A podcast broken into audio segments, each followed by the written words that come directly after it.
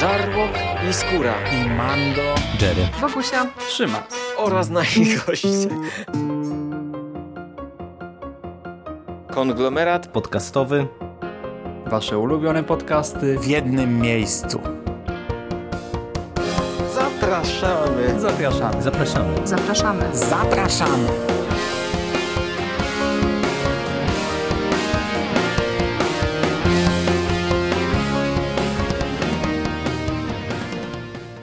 Witamy w konglomeracie podcastowym.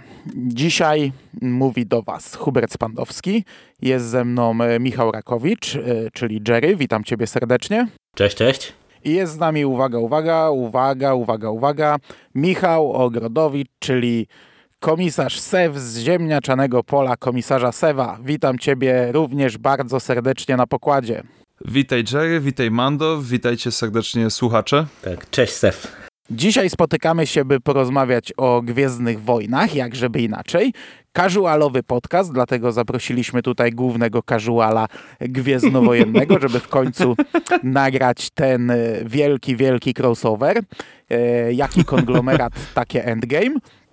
E, I, I spotykamy się, ale nie, tutaj poważnie mówię, spotykamy się, żeby tak ogólnie porozmawiać o Gwiezdnych Wojnach. Nie jakoś e, wgłębiać się w temat, tylko właśnie chcemy mm, ten podcast skierować do mm, e, nowych odbiorców, ponieważ już niedługo skończy się co prawda promocja, ale jeszcze do 25 kwietnia Uroboros zorganizował na wielu stronach e, promocje na swoje książki, między innymi również u nas. Jeśli wejdziecie na stronę grupy wydawniczej Foxal i w zamówieniu wpiszecie hasło konglomerat podcastowy, dostaniecie 40% rabatu na książki. No i my stwierdziliśmy, że sobie zrobimy taki podkaścik, gdzie mm, przejedziemy przez wszystkie książki wydane w Polsce przez Uroboros. Uroboros w tej chwili wydał 25. książkę. To jest drugi tom Trauna, którego my akurat z Jerrym nie czytaliśmy, ale Sef czytał, więc będzie mógł dwa zdania dodać. E, Ułożyliśmy te książki według naszej własnej kolejności, także weźcie sobie kartkę do ręki i najwyżej notujcie, jeśli coś zwróci Waszą uwagę. E, A my przejedziemy po tym na takiej zasadzie, żeby sobie kilka zdań powiedzieć, czy nam się to podobało, czy nie podobało i może też, czy mm, polecamy na przykład e, nowym czytelnikom. Tak naprawdę wszystkie te książki, które były wydane, od wszystkich można zacząć. Tutaj chyba nie ma żadnej, żadnej książki, nie było z jakimś wielkim progiem wejścia wysokim, E, ale na przykład przy animacjach warto, warto zaznaczyć, czy te animacje są potrzebne, czy nie są potrzebne. No dobrze, no to jedziemy. I zaczynamy od takiej umownej, powiedzmy, grupy, czyli mm, o tych złych, o ciemnej stronie. Co prawda, na przykład Traun nie wskoczył do tej grupy, ale to, to ma sens. To ma sens i później to rozwiniemy. Także, panowie, pierwsza książka, którą, której Jerry nie czytał. Także ja tutaj z Sevem mogę sobie porozmawiać. E, Od razu Tarkin. wykluczony, od Tarkin razu wykluczony. Jamesa Luceno. Kiedy czytałeś? Dawno. I czy ci się podobała? Pamiętasz ją jeszcze? Bo to była moja pierwsza książka z nowego kanonu, także Wiesz, wiesz co, ja Tarkina mam w dwóch wersjach, bo pamiętam, że ze względu na to, że nowy kanon i tak dalej, nie mogłem się doczekać i ja go zamówiłem po angielsku, przeczytałem go po angielsku i tydzień później zostało ogłoszone, pamiętam, że na Star Force byliśmy, zostało ogłoszone, że będzie po polsku, więc ja go, ja go potem po polsku nie czytałem, więc pamiętam tylko i wyłącznie angielską wersję, no ale ona jak wychodziła tam w 2013-2014 roku, już teraz nawet nie pamiętam dokładnie, ale tak, czytałem. Dawno temu, ale czytałem. i jakie wrażenia twoje? Polecałbyś to czy nie? Może być. To znaczy, z tego co pamiętam, książka, e, ona jest dosyć specyficzna. Znaczy tak, jeżeli ktoś lubi złych, czyli Tarkina, e, który ogólnie w nowym kanonie jest bardzo dobrze prezentowany, e, to jest dla tej osoby całkowity miód na serce, że tak powiem.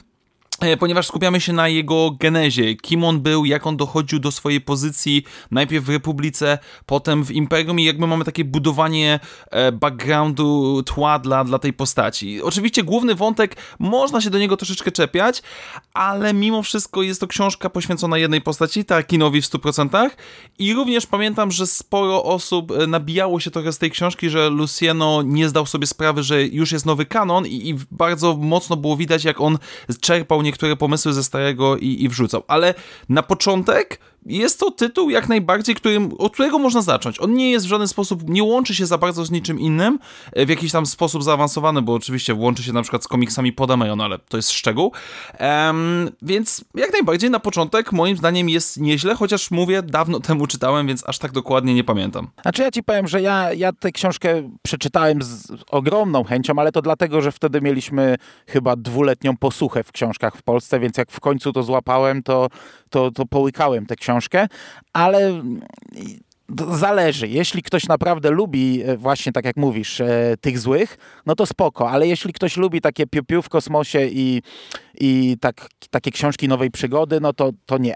To, znaczy, to raczej nie, no, znudzi ta książka. No bo e, tu trzeba ma... zaznaczyć, że jakby jest, to nie jest heist movie, tylko to jest trochę jak The Last Jedi w sumie, bo, bo wątek główny tutaj jakby nie, nie spoilerując, grupa jakichś tam przemytników, chyba nawet nie do końca rebeliantów, kradnie tajny statek, czy tam powiedzmy prywatny statek Tarkina i Tarkin ich goni, no więc mamy jakby takie łow, łowcę i, i, i, i ofiarę i, i jest dużo właśnie zastanawiania się Tarkina, analizowania, więc tak, rzeczywiście tam nie ma jakby dużo skakania bium bium bam bam, jak to określiłeś, e, jest bardziej skupienie się na tej psychologii postaci, więc no tak, rzeczywiście, jak ktoś, komuś to nie podchodzi, to, to lepiej, lepiej nie zaczynać. No i to są te dwie linie, nie? czyli ta linia, co powiedziałeś, czyli to jeszcze nie są e, rebelianci, to są, to jest, nie pamiętam jak to jest tłumaczone, buntownicy, czy jakoś tak, czyli te, te, ten zalążek rebelii, czyli oni tak jeszcze nie do końca szkliście czyści byli tak prezentowani znaczy, to nie są rebelianci, książkach. to są, mhm. już nie pamiętam, ale to było jacyś, jacyś po prostu grupa ludzi, którzy tam mieli jakieś zatargi z Tarkinem z przeszłości chyba, więc oni jakby nie,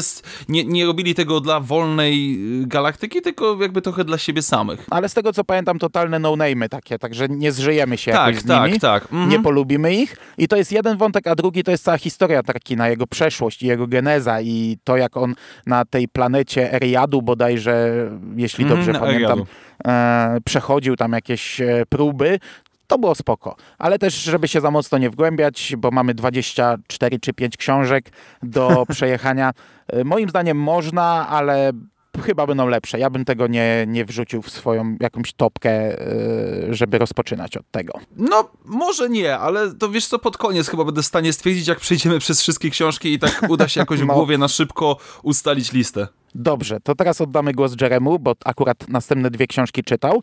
E, druga książka, mm, Lordowie Sithów i tutaj autor Paul, Paul S. Kemp e, i to jest książka o Wejderze i Imperatorze. Drogi Jerry, pamiętasz jeszcze tę książkę? Tak, pamiętam. Ona mi się jakoś tam w głowie zapisała, e, chociażby dlatego, że z e, tego nowego kanonu to była moja pierwsza książka, a chyba druga w ogóle Gwiezdnowojenna. Także to rozmawiacie z lejkiem w sumie w tym względzie, e, ale pamiętam ją dosyć dobrze i ja ją dosyć dobrze wspominam cały czas. Ja pamiętam, że my żeśmy trochę do niej uwag mieli, no bo umówmy się, że wraca tam sporo takich motywów, które gdzieś w Gwiezdnych Wojnach są wałkowane, czyli, czyli chociażby kwestia testowania Vadera po raz nie wiadomo który przez Imperatora, ale całościowo to jest naprawdę niezła książka z dosyć mocnym zakończeniem, no i przede wszystkim ona też nieźle tak jakby rysuje pewien wątek, który moim zdaniem w tym nowym kanonie jest taki dosyć widoczny w ogóle w różnych mediach, czyli to, że nie pokazuje na nam e, rebeliantów e, jako tych e, krystalicznie dobrych, to już padło takie określenie z waszych ust przed chwilą. I jeszcze nie w kontekście rebelii, ale tutaj już mamy do czynienia z no, tym buntem przeciwko imperium, no i, i to, to nie jest tak właśnie tylko i wyłącznie czarno-biało wszystko prezentowane jak, nie wiem, z Nowej Nadziei chociażby, Także moim zdaniem to jest całkiem ciekawa książka, całkiem dobrze. Y, wydaje mi się, jeżeli ktoś lubi właśnie znowu tych złych, e, to całkiem dobrze sobie radzi z y, tym, tą gałęzią, ale także też właśnie nieźle, nieźle sobie radzi z przedstawieniem tej drugiej strony. E, no i ona jest w sumie dosyć różnorodna też z tego co pamiętam, bo z jednej strony jest sporo takiego mm, takich, takiej akcji akcji, gdzie tam mamy różne jakieś walki z potworami nie tylko, e, ale też mamy różne te wątki polityczne, wątki tej partyzantki i tak dalej, i tak dalej. Także no to jest taka dosyć e, no, dynamiczna książka, powiedziałbym. A wy jak ją wspominacie? Pamiętacie? Dobrze? Znaczy, główną rzeczą, jaką ja pamiętam z tej książki, to były jakieś takie pierwsze nieśmiałe próby w nowym kanonie ukazania Gwiezdnych Wojen troszeczkę ciemniej. To znaczy, pamiętam, że jest scena, gdzie jeden z oficerów imperialnych zostaje złapany przez rebeliantów, czy tych powiedzmy buntowników e, w dzielnicy, że tak powiem, czerwonych latarni na Rylow. I więc jakby pokazywanie właśnie tej szarości rebelii, czy też pokazywanie jakichś biednych rejonów danej planety, jakiejś korupcji, e, oszukiwania takiego, tego, tego zła, powiedzmy, nie takiego czarno-białego świata, tylko troszeczkę bardziej szarego, to było na pewno na plus, jak i również... Fakt, mi się prywatnie bardzo podobał wątek gwardzistów Imperatora, z których jeden był człowiekiem, drugi jakby zwykłym, drugi był klonem. I, I też jakby podejście do tego, jak to wszystko wyglądało. Ja relatywnie dobrze wspominam tą książkę. Nie, nie, nie miała ona niczego takiego bardzo mocno wbijającego się w głowę. Może wynika to z faktu tego, że kiedy wychodziła, jeszcze niewiele rzeczy mieliśmy o Wejderze w nowym kanonie. Gdyby dzisiaj wychodziła, no to już bym przewracał oczami, bo, bo Wejder jest tak przesadzony i tak, znaczy nie przesadzony, ma, jest tak przejedzonym tematem już teraz na tym poziomie, że to jest głowa mała, ale w momencie, kiedy kiedy wychodziła ta książka, jak najbardziej był na nią popyt, więc dla mnie jak najbardziej było dosyć pozytywnie. Nawet bym chyba powiedział lepiej niż Tarkin. Mhm. Jeśli chodzi o tych buntowników, bo to też jeszcze nie była rebelia, e, tutaj Syndula, tak? Był, czy ja Tak, tak. Mhm. jeżeli dobrze pamiętam, to był ojciec Harry Synduli, mhm. dokładnie rzecz ujmując. No i to było pokazane nieźle w tej książce, bo e, w Trakinie chyba aż tak nie było, bo tam było tylko to zakoszenie statku i w zasadzie ucieczka, skoki, jeden skok za drugim, a tutaj mamy atak na, na statek i oni przecież tam nie przebierają w środkach. Oni zabijają jakąś obsługę mm, naukowców w zasadzie, to nie są w zasadzie żołnierze. Jest na pewno scena, jak strzelają komuś w głowę z tyłu. E, także to, wystarczy taka... powiedzieć, że cały statek zostaje może nie bezpośrednio zniszczony, ale wysłany tam w, nie, w, w, stronę ziemi czy czegoś takiego, więc no cała załoga, cywile, nie cywile idzie do piachu, więc no rebelianci w tam, znaczy biorąc pod uwagę historię Rylow, to nie jest nic dziwnego, ale mhm. tak, to, to już jest nieprzebieranie w środkach.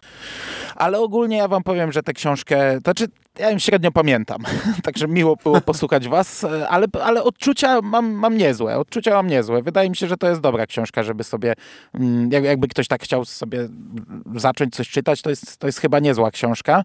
I e... jeszcze jeżeli ktoś chce, y, bo tam jest dużo relacji Imperator-Vader, tutaj jest bardzo tego mhm, dużo tak, tak. rozmów tak. między nimi, więc jeżeli ktoś jest bardzo zainteresowany, jak to wyglądało mistrz-uczeń po ciemnej stronie mocy, no to to jest jak najbardziej punkt wejścia. No i też w sumie patrząc z punktu widzenia książek, no to e, tutaj Vader na pierwszym planie, to w przeciwieństwie do komiksów, to jednak e, patrząc na książki, to jest jakaś tam mimo wszystko e, absolutna mniejszość, więc to też jest zawsze jakiś właśnie haczyk, jeżeli ktoś jest fanem tej postaci, bo w komiksach to już jest jej zdecydowanie za dużo. No w sumie to jest chyba jedyna, może nie jedyna książka nowo-kanoniczna, gdzie on jest głównym bohaterem, jakoś żadna, żadna inna mi nie przychodzi. Przejdziemy dzisiaj, ale, ale wydaje mi się, że chyba nawet nie ma drugiej, więc, więc jeżeli znaczy, ktoś chce książkę o Wejderze... Był, w Tarkinie był jednym z głównych, nie? bo w Tarkinie był dołączony no tak. do, do Tarkina. No i teraz w tym w drugim traunie też chyba będzie dużą rolę no tak, w drugim traunie. ale tutaj tu jest faktycznie pierwszoplanowy, tutaj nie jest dołączony do kogoś, on tutaj mhm. jest, no razem z, razem z Imperatorem. E, dobra, to coś nowszego, coś co pamiętamy, przynajmniej ja pamiętam troszkę lepiej. E, Fazma, e, autorstwa Delilah S. Dawson. Wszyscy czytaliśmy. Mhm. Wszyscy. No tak, dobrze pamiętasz, to możesz zacząć, Mando. Jak ją wspominasz? Ja zacznę. E, męczyłem się na tej książce i to tak naprawdę męczyłem się. Był taki moment, że chciałem ją w cholerę rzucić i, i nawet w robocie ją czytałem i było ciężko, a to była chyba niedziela w robocie, gdzie w niedzielę w robocie to już naprawdę cokolwiek zrobisz, byleby e, i, i wiesz, jest, i, i, i idzie gładko.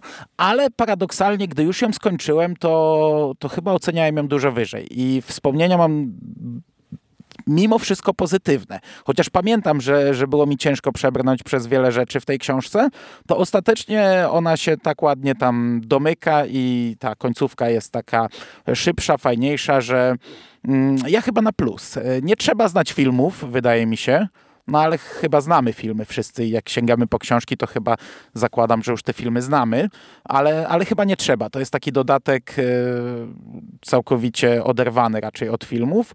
Pogłębia nam tę postać, daje nam historię trochę podobną do Tarkina, na tej zasadzie, że e, on, e, te jego próby na, na, na jego ojczystej planecie, no, też różniły się od tego, jak widzimy Tarkina w filmach i tutaj też fazma była zupełnie, zupełnie inna, no taka trochę Mad Maxowa.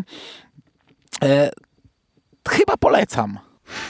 Nie jesteś pewien?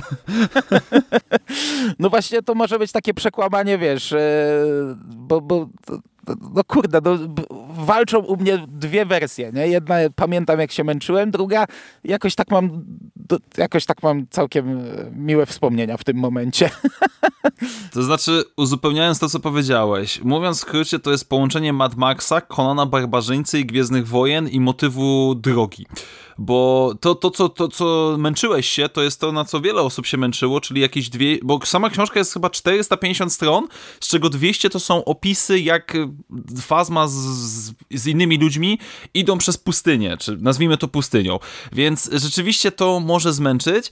Ja byłem absolutnie zachwycony, e, bo znów kolejny ten kroczek w stronę poważniejszych Gwiezdnych Wojen, bo e, Fazma tutaj, jakby rozumiemy jej motywy i sama książka jest bardzo momentami brutalna, i, i, ale właśnie ta podróż, to jakby zmęczenie, to tak autentycznie to jest, to jest ten typ literatury, komiksu czy filmu, który wiemy, że on jakby nie ma dużo akcji tam w niektórych momentach, ale i tak to wciąga.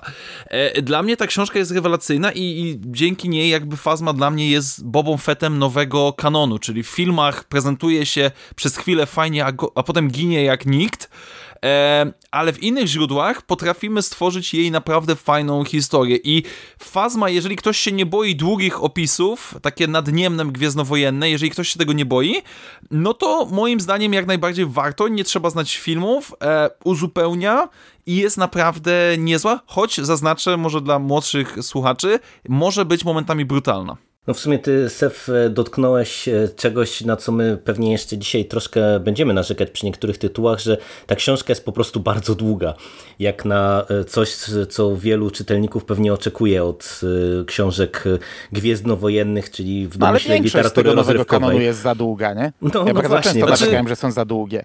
Znaczy, znaczy, biorąc pod uwagę, że wiesz, że książka jakby skupia się na rozwoju postaci różnych, a szczególnie fazmy, e, no to moim zdaniem ta długość nie przeszkadza, bo, bo to jest właśnie, to jest ta kwestia, to jest tak jak oglądanie filmu, który ma 90 minut, a filmu, który ma 2,5 godziny. Jeżeli jest to dobrze zrobione, no to my się wczuwamy w rozwój tej postaci i ja na przykład potrafiłem się wczuć, ale z drugiej strony rozumiem, dlaczego niektórym to może przeszkadzać, albo tak jak była afera z wydaniem e, pierwszym książki, że brakowało 10 czy tam iluś stron, a niektórzy tego nie zauważyli, bo przysypiali.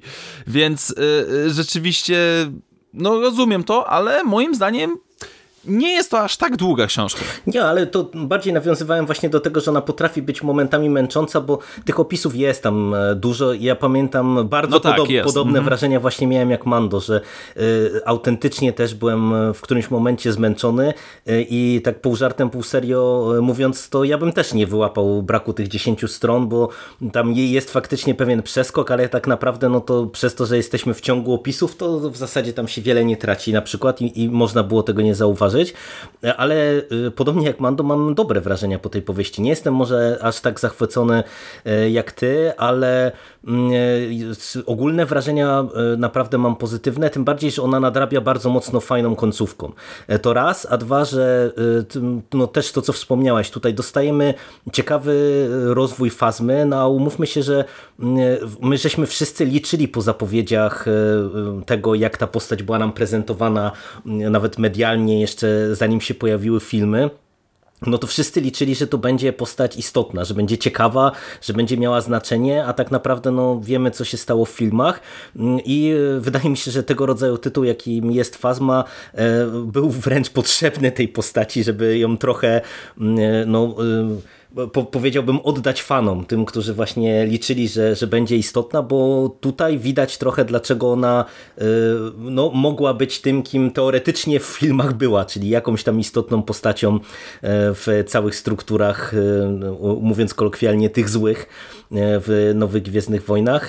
No, ja całkiem dobrze ją wspominam. Mimo właśnie tego, że tutaj niestety to trzeba, tak jak uprzedzamy, to, to naprawdę trzeba wspomnieć, że ona potrafi momentami tymi opisami zmęczyć, tym bardziej, że no, przez to, że mamy do czynienia z takim właśnie trochę postapokaliptycznym światem, bardzo niegościnnym, no to też te opisy nie dość, że ich jest dużo, to one jeszcze są takie momentami dosyć monotonne, no bo my śledzimy po prostu losy ludzi zmagających się z naturą, e, z przeciwnościami e, tak, takimi powiedziałbym natury fizycznej, a nie tylko z jakimiś tam przeciwnikami, e, tylko nie wiem, z ukształtowaniem terenu i tak dalej, i tak dalej, to ma swój sens, ma fajny klimat momentami, ale no mówię, troszeczkę pewnie ja bym to osobiście stemperował. Dobrze to kończymy blok tych złych. Do Trauna przejdziemy później. Traun będzie miał wydzielony swój blok osobny. E, natomiast dalej mamy pięć książek, które jakoś tam się łączą z nową trylogią, powiedzmy. E, to są książki, które wychodzą poza klasyczne epizody. I tutaj wypadałoby zacząć od trylogii Trauna Nowego Kanonu, czyli e, Chucka Wendiga, koniec, początek, koniec i początek. E, trzy książki. Koniec i początek, dług życia, kres imperium. I my w konglomeracie poświęciliśmy mnóstwo czasu na te książki i ty u siebie na ziemniaczanym polu poświęciłeś mnóstwo tak. czasu. E, to chyba w dwóch zdaniach. Mm. No. Te oddechy znaczy... ciężkie, wiele są mówiące w znaczy, tym książki, Po pierwsze, Chuck, Chuck Wendick jest beznadziejnym pisarzem. Te książki są napisane okay, tragicznie. To, to, to jesteśmy zgodni, to jesteśmy I, zgodni bez żadnego problemu. Czyta się bardzo źle i trzeba się mocno przebić. E, co prawda pierwszą książkę czyta się trochę łatwiej, ale to przez błędne tłumaczenie, bo jest w czasie przeszłym przetłumaczona. Dwa kolejne tomy już tłumaczyła Anka Hikiert i już są dobrze przetłumaczone w czasie teraźniejszym, co już w ogóle pogłębia e, moją niechęć do, tych, e, do, do, do tego stylu. Są pisane strasznie, są pisane jak, jak nie wiem, jak jakiś jakieś tam, no, no dziwacznie, no, no, no, no, no źle, ale fabularnie. Czy fabularnie mm, to jest dobre. Znaczy, pro, problem największy z tą trylogią jest taki, że ona jest napisana co najwyżej źle, co najwyżej źle. Um, ale znacz, to jest prawdopodobnie nadal obecnie najważniejsza trylogia, czy też najważniejsze książki, jeżeli chodzi o nowy kanon. Żaden Traun, nic praktycznie, co wyszło do tej pory, nawet po angielsku czy po polsku, nie dało nam aż takiego źródła informacji jak ta trylogia bo dzieje się między epizodem, y, powiedzmy, y, od powiedzmy bitwy o Endor do bitwy o Jacku, czyli rok akcji w trzech książkach, ale tam jest gigantyczna ilość informacji, jeżeli chodzi o tworzenie świata, jeżeli o budowanie tego wszystkiego, co się działo z resztkami Imperium, jak w ogóle Imperium od upadło, co się działo w galaktyce, więc, więc jeżeli ktoś jest lekkim masochistą albo nie przeszkadza mu złe pisanie książek, i jest w stanie usiąść i przeczytać, żeby dowiedzieć się jak najwięcej informacji o świecie, to jak najbardziej. Ale jeżeli komuś bardziej zależy na tym, żeby to była dobra książka niż Świat Gwiezdnowojenny, no to to będzie bardzo bolesne doświadczenie. No tutaj wydaje mi się, że problem z tą trylogią jest taki, że e, ona jest właśnie fatalnie napisana, ale jest ważna. Przy czym ja, e, ja bym dodał jedną rzecz, e, która wydaje mi się, że z perspektywy czytelnika, który by się zastanawiał, czy po nią sięgnąć, może być pewnym argumentem za. To jest taka powieść z gatunku, powiedziałbym, akcyjno-przygodowych. W tym sensie, że tu się dzieje mhm. naprawdę strasznie dużo. To mhm. jest raz. Dwa, e, tutaj to jest jeden z tych tytułów, gdzie cała nasza e, stara gwardia jest bardzo istotna. Mówię stara gwardia, czyli z oryginalnej trylogii, czyli to też zawsze jest dodatkowy argument y, dla, dla wielu pewnie czytelników potencjalnych, żeby, żeby zobaczyć właśnie jak się te mm, losy y, ulubionych postaci na przykład potoczyły. Y, natomiast pod kątem właśnie tej akcji i tej przygody to jest tak, że ja pamiętam, że pierwszy tom ja oceniałem dosyć dobrze, bo to był taki samograj. Tworzyła nam się jakaś tam ekipa i, i, i to wydaje mi się, że to jest coś takiego, co trudno jest zepsuć, tak naprawdę nawet tak nędznemu pisarzowi jak Wendick, e, natomiast później im dalej, tym gorzej, nie? Szczególnie środkowy tom tej trylogii to, no tak jak Mando wspomniał, my poświęciliśmy bardzo dużo czasu i to nad drugim tomem pamiętam, że żeśmy się musieli pastwić przeokrutnie, bo, bo oprócz tej akcji, przygody i rozrywki, to tam niestety głupich rozwiązań fabularnych jest co niemiara. Znaczy dla mnie na początku to było rozczarowujące jednak, bo wiesz, czekaliśmy na pierwszą książkę, której akcja rozgrywa się pół roku po epizodzie szóstym. To miała być, to jeszcze przed filmami przecież wyszło, przed siódemką, to miała być pierwsza książka, która e, rozbuduje nam ten świat i dla mnie w pierwszej chwili to było rozczarowujące, bo tego, tej, tej rozbudowy świata tutaj ostatecznie dostajemy dużo, ale tak jak powiedziałeś, nie? Ale mm, książka jest ułożona, to też trzeba zaznaczyć tak, że mamy e, w zasadzie zupełnie nową ekipę. Na, na, na tamtym etapie nie wiedzieliśmy, że ten dzieciak to jest jakaś ważna postać w mhm. nowym kanonie, bo jeszcze wtedy nie była, nie? To był jakiś nowy po prostu dzieciak, jego matka i, i tam y, przypadkowa szajka i ich jakieś tam przygody pół roku po bitwie o Endor, które na tym etapie to były po prostu jakieś nowe przygody. A wszelkie nowe informacje dostawaliśmy w tych krótkich przerywnikach. Nie pamiętam, jak one się nazywały. Interludia czy... Interludia. To, no. E, I to były takie króciutkie, różne, różne dodatki. I pamiętam, mi, mi, mi, też ten pierwszy tom się przeczytało nieźle. Szybko. Miałem problemy, miałem tam jakieś zawiechy, ale jak mi się udało, e, wiesz jakoś tak przełknąć ten cały styl, to nawet przez to przepłynąłem i chyba, chyba całkiem nieźle oceniałem. Ale, ale pod tym kątem było to dla mnie na tym etapie rozczarowujące. Ostatecznie w sumie wspominam to nieźle. Właśnie te interludia, te krótkie wstawki dały nam e, taki duży wachlarz e, pokazania tego świata, a oprócz tego no później później dużą rolę odgrywają bohaterowie z filmów, także mm, no to też e, dołożyło trochę cegiełki do tego. Znaczy, cała ta książka jest pełna paradoksów, bo jakby sama idea stojąca za tą trylogią jest świetna, bo mamy grupę żołnierzy, czy tam powiedzmy ludzi pracujących dla Nowej Republiki, którzy polują na e, zbrodniarzy wojennych Imperium. E, mamy, nie wiem, wyzwolenie Kashyyyk spod rąk Imperium, mamy bitwę o Jacku, e, no i tego jest wszystko mnóstwo ale realizacyjnie to siada. Tak samo jak mamy postacie, bo w tej głównej ekipie mamy na przykład y, Sinjira, mhm, byłego tak, imperialnego tak. śledczego, który był rewelacyjny, który jest chyba nadal jedną z najlepszych postaci w nowym kanonie. Z drugiej strony mamy Norę Wexley, która mm, zdobywa wszelkie tytuły najgorszej matki roku, więc y, która jest tak beznadziejna, że to jest głowa mała i, i to, jest, to jest niesamowite, bo ta książka to jest taki roller coaster, bo właśnie są te interludia, które są rewelacyjne, które są interesujące, ciekawe, a potem mamy tak głupie zabiegi, no przecież nie wiem, czy pamiętacie, jak e, Han postanowił pokonać imperialnych e, na Kashyyyk, zbierając jadowite pająki, pająki? na Sokoła Milenium i wy, wypuszczając na imperialne niszczyciel. No przecież to jest... Znaczy, no, i to jest ten problem, bo to jest warta książka przeczytania, jeżeli chodzi o świat Gwiezdnych Wojen. Tylko trzeba się namęczyć i pocierpieć przy niej, niestety. Ale jeszcze ważne jest to, co Jerry wspomniałeś, bo ja e, na takie rzeczy też będę zwracał uwagę. Co prawda, ja końca i początku nie polecam i jeżeli na koniec zrobimy sobie jakieś swoje zestawienie, to ono się w moim zestawieniu nie znajdzie, ale to jest szybka książka, szybka akcja, a niektórzy takich rzeczy oczekują od Gwiezdnych Wojen. Ja też czasami oczekuję.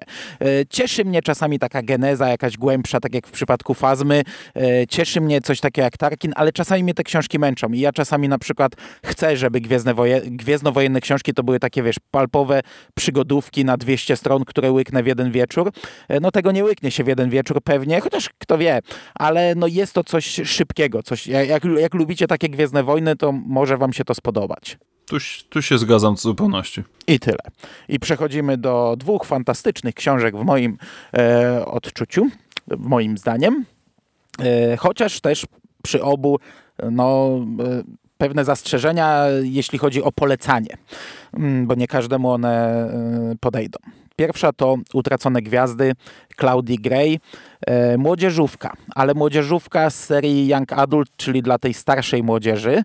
Mm, historia dwóch bohaterów, w sensie chłopaka i dziewczyny, którzy dorastali na biednej planecie, e, trafili do mm, marynarki imperialnej, śledzimy ich losy skokami, szkolą się, otrzymują e, zatrudnienie, on na Gwieździe Śmierci, ona na mm, statku Darta Vadera.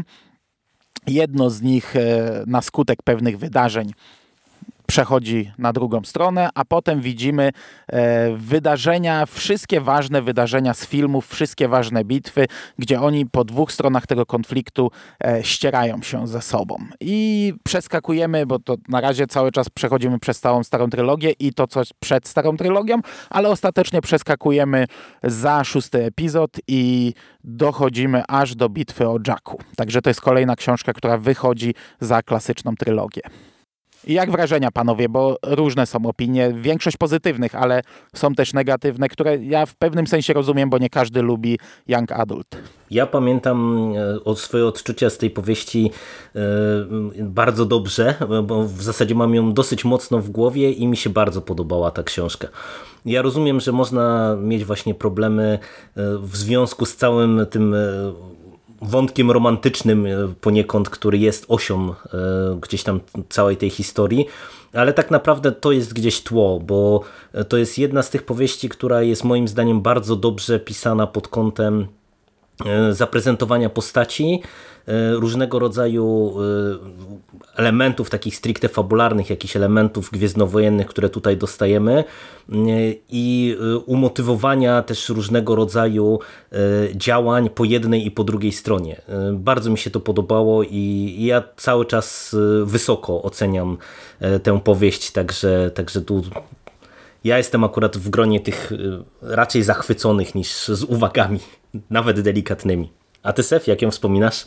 Znaczy tak, po pierwsze to jest książka Claudii Gray, a Claudia Gray jeszcze nie wydała, nie napisała złej książki w nowym kanonie. E, tak I jest. Utracone Gwiazdy to jest tytuł, który ja prywatnie, jak pierwszy raz dowiedziałem się o czym ma być, no to przewróciłem mocno oczami, bo ja no, nie, nie, nie lubię, po prostu to nie jest moja bajka, gdzie dwójka młodych nastolatków wyrusza w świat i, i problemy dorastania, bo tak, tu w tej książce też są problemy dorastania, e, e mamy jakieś tam ich rozdarcia wewnętrzne, emocjonalne i tak dalej, ale to jest tak rewelacyjnie, tak jak właśnie Jerry mówiłeś, rozwój postaci, nie tylko tych dwóch, dwóch głównych bohaterów, tylko mhm, też pobocznych. Tak, tak. To jest coś tak rewelacyjnego, tak świetnie zrobionego. Z drugiej strony kreowanie lokacji, akcji, tego wszystkiego, co się dzieje, mi cały czas siedzi w pamięci jest scena, która by rewelacyjnie wyglądała w filmie czy w serialu, gdzie mamy bal kadetów imperialnych na Coruscant, mhm. gdzie setki osób tańczy i gdzie to tak po prostu jest pięknie napisane. I cała ta książka też jednocześnie potrafi gdzieś tam zarysować jakieś konflikty społeczne, galaktyczne, jakieś tam, że ona pochodzi z takiej rodziny, on z takiej rodziny, jak są odbierani kadeci z powiedzmy zewnętrznych rejonów galaktyki, jak są ci z centrum niby bajka dla dzieci, znaczy dla młodzieży powiedzmy, dla nastolatków, ale to jest rewelacyjny kawał książki gwiezdnowojennej. E, więc moim zdaniem, znaczy to był jeden dla mnie pozytywny szok, jak, bo ja naprawdę podchodziłem dosyć negatywnie do tytułu, ale jak już go przeczytałem, to jest dla każdego, naprawdę.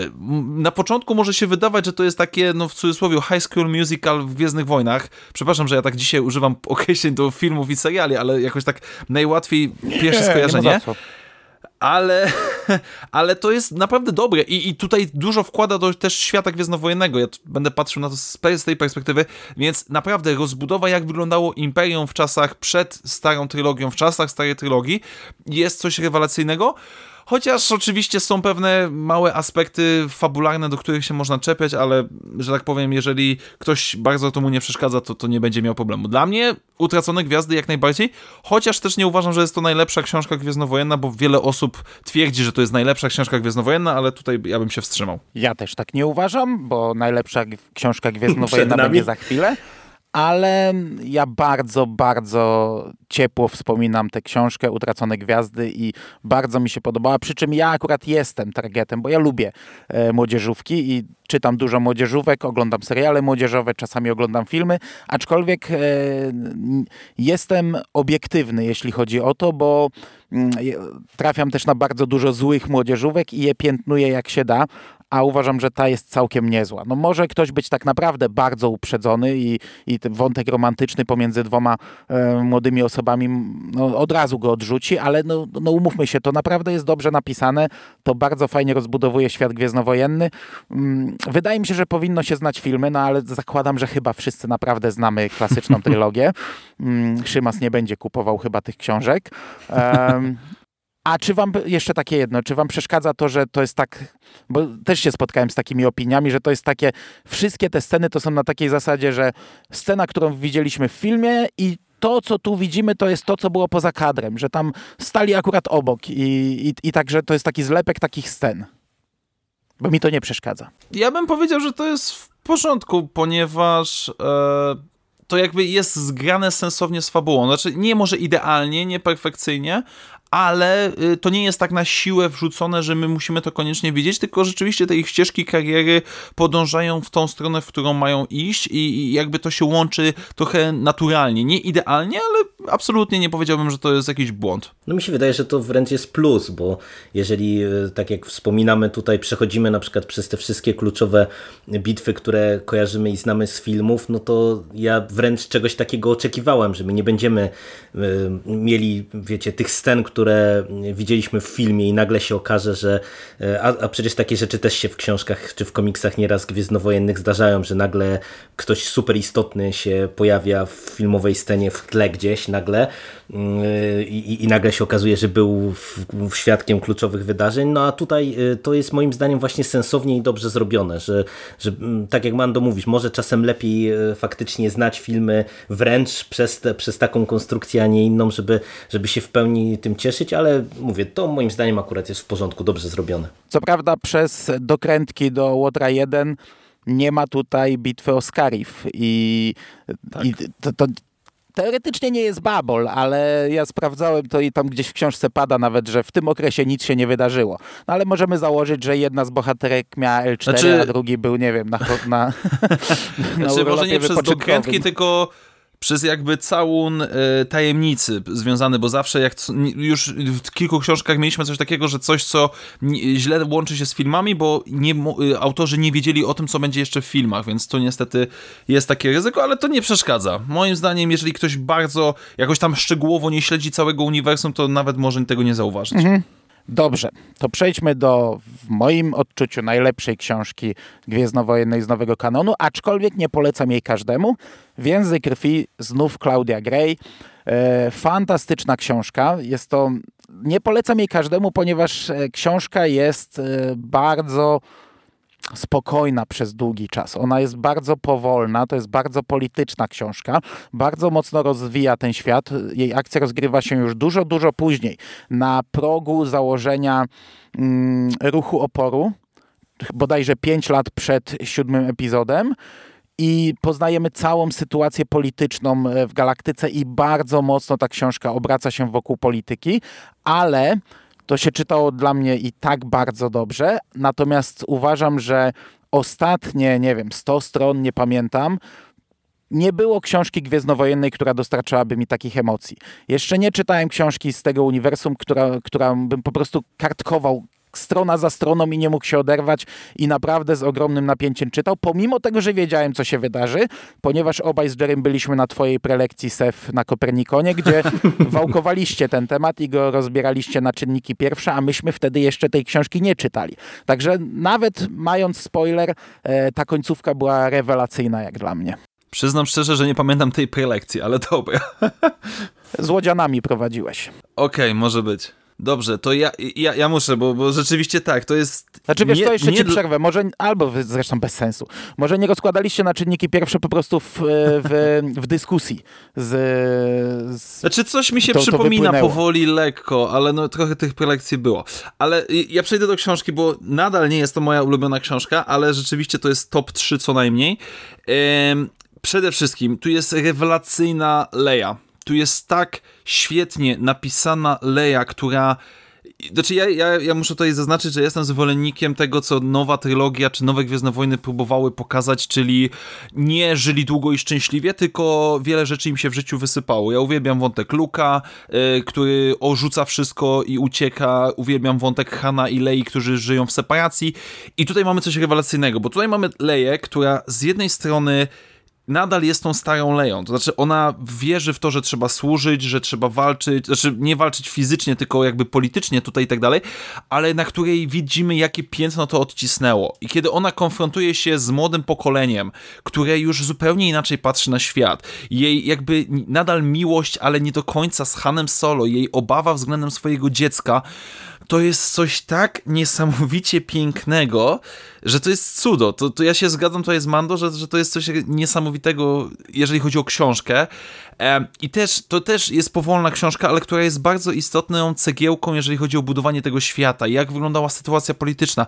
Dlaczego jest tak, a nie inaczej na początku epizodu siódmego. Nie jest to niezbędne oczywiście, ale nie no, się, nie, nie przypominam sobie, żeby tam było coś negatywnego dla mnie. Żeby tam było coś takiego naprawdę, na co mógłbym się czepić i, i zwrócić uwagę bo tam wszystko się zgrywa. Widać, że to jest książka, która powstawała dlatego, że autorka naprawdę chciała o tym napisać i Klaudia Gray niejednokrotnie mówiła, że ona chciała bardzo skupić się na tym temacie. No ja tutaj podłączam się pod te zachwyty i y, też dla mnie osobiście to jest numer jeden z tych wszystkich książek wydanych w Polsce, które y, czytałem. Y, jest rewelacyjna. I mi się podobało tutaj całe mnóstwo rzeczy, bo przede wszystkim to jest tak, że ta książka jest teoretycznie powolna. Ona jest przeciwieństwem, nie wiem, chociażby takiego końca i początku, gdzie mamy akcje, akcje, akcje, akcje. Jest dużo e, wątków takich, które teoretycznie mogą się wydawać na pierwszy rzut oka mało atrakcyjne, no bo właśnie jest dużo tej polityki, nawet jeżeli gdzieś tam pojawia się jakaś akcja, to i tak tak naprawdę w związku z tym, że tutaj to jest książka lejocentryczna, że się tak nieładnie wyrażę, mm, to, to, to, nie jest to, to nie jest taka już akcja, jak, którą możemy kojarzyć właśnie ze starej trylogii, tylko no to już jest e, bardziej stateczna e, postać, ważna dla sceny politycznej, więc ona też się nie może za bardzo angażować w typowe awantury, więc to też nie jest taka akcja, jak to nieraz, nie wiem, z komiksów można, czy z filmów e, kojarzyć, ale dla mnie tu jest naprawdę niesamowicie dużo satysfakcjonujących rzeczy, bo właśnie to, to co wspomniałeś, Sef, tak jak Leia jest prowadzona, rewelacyjne.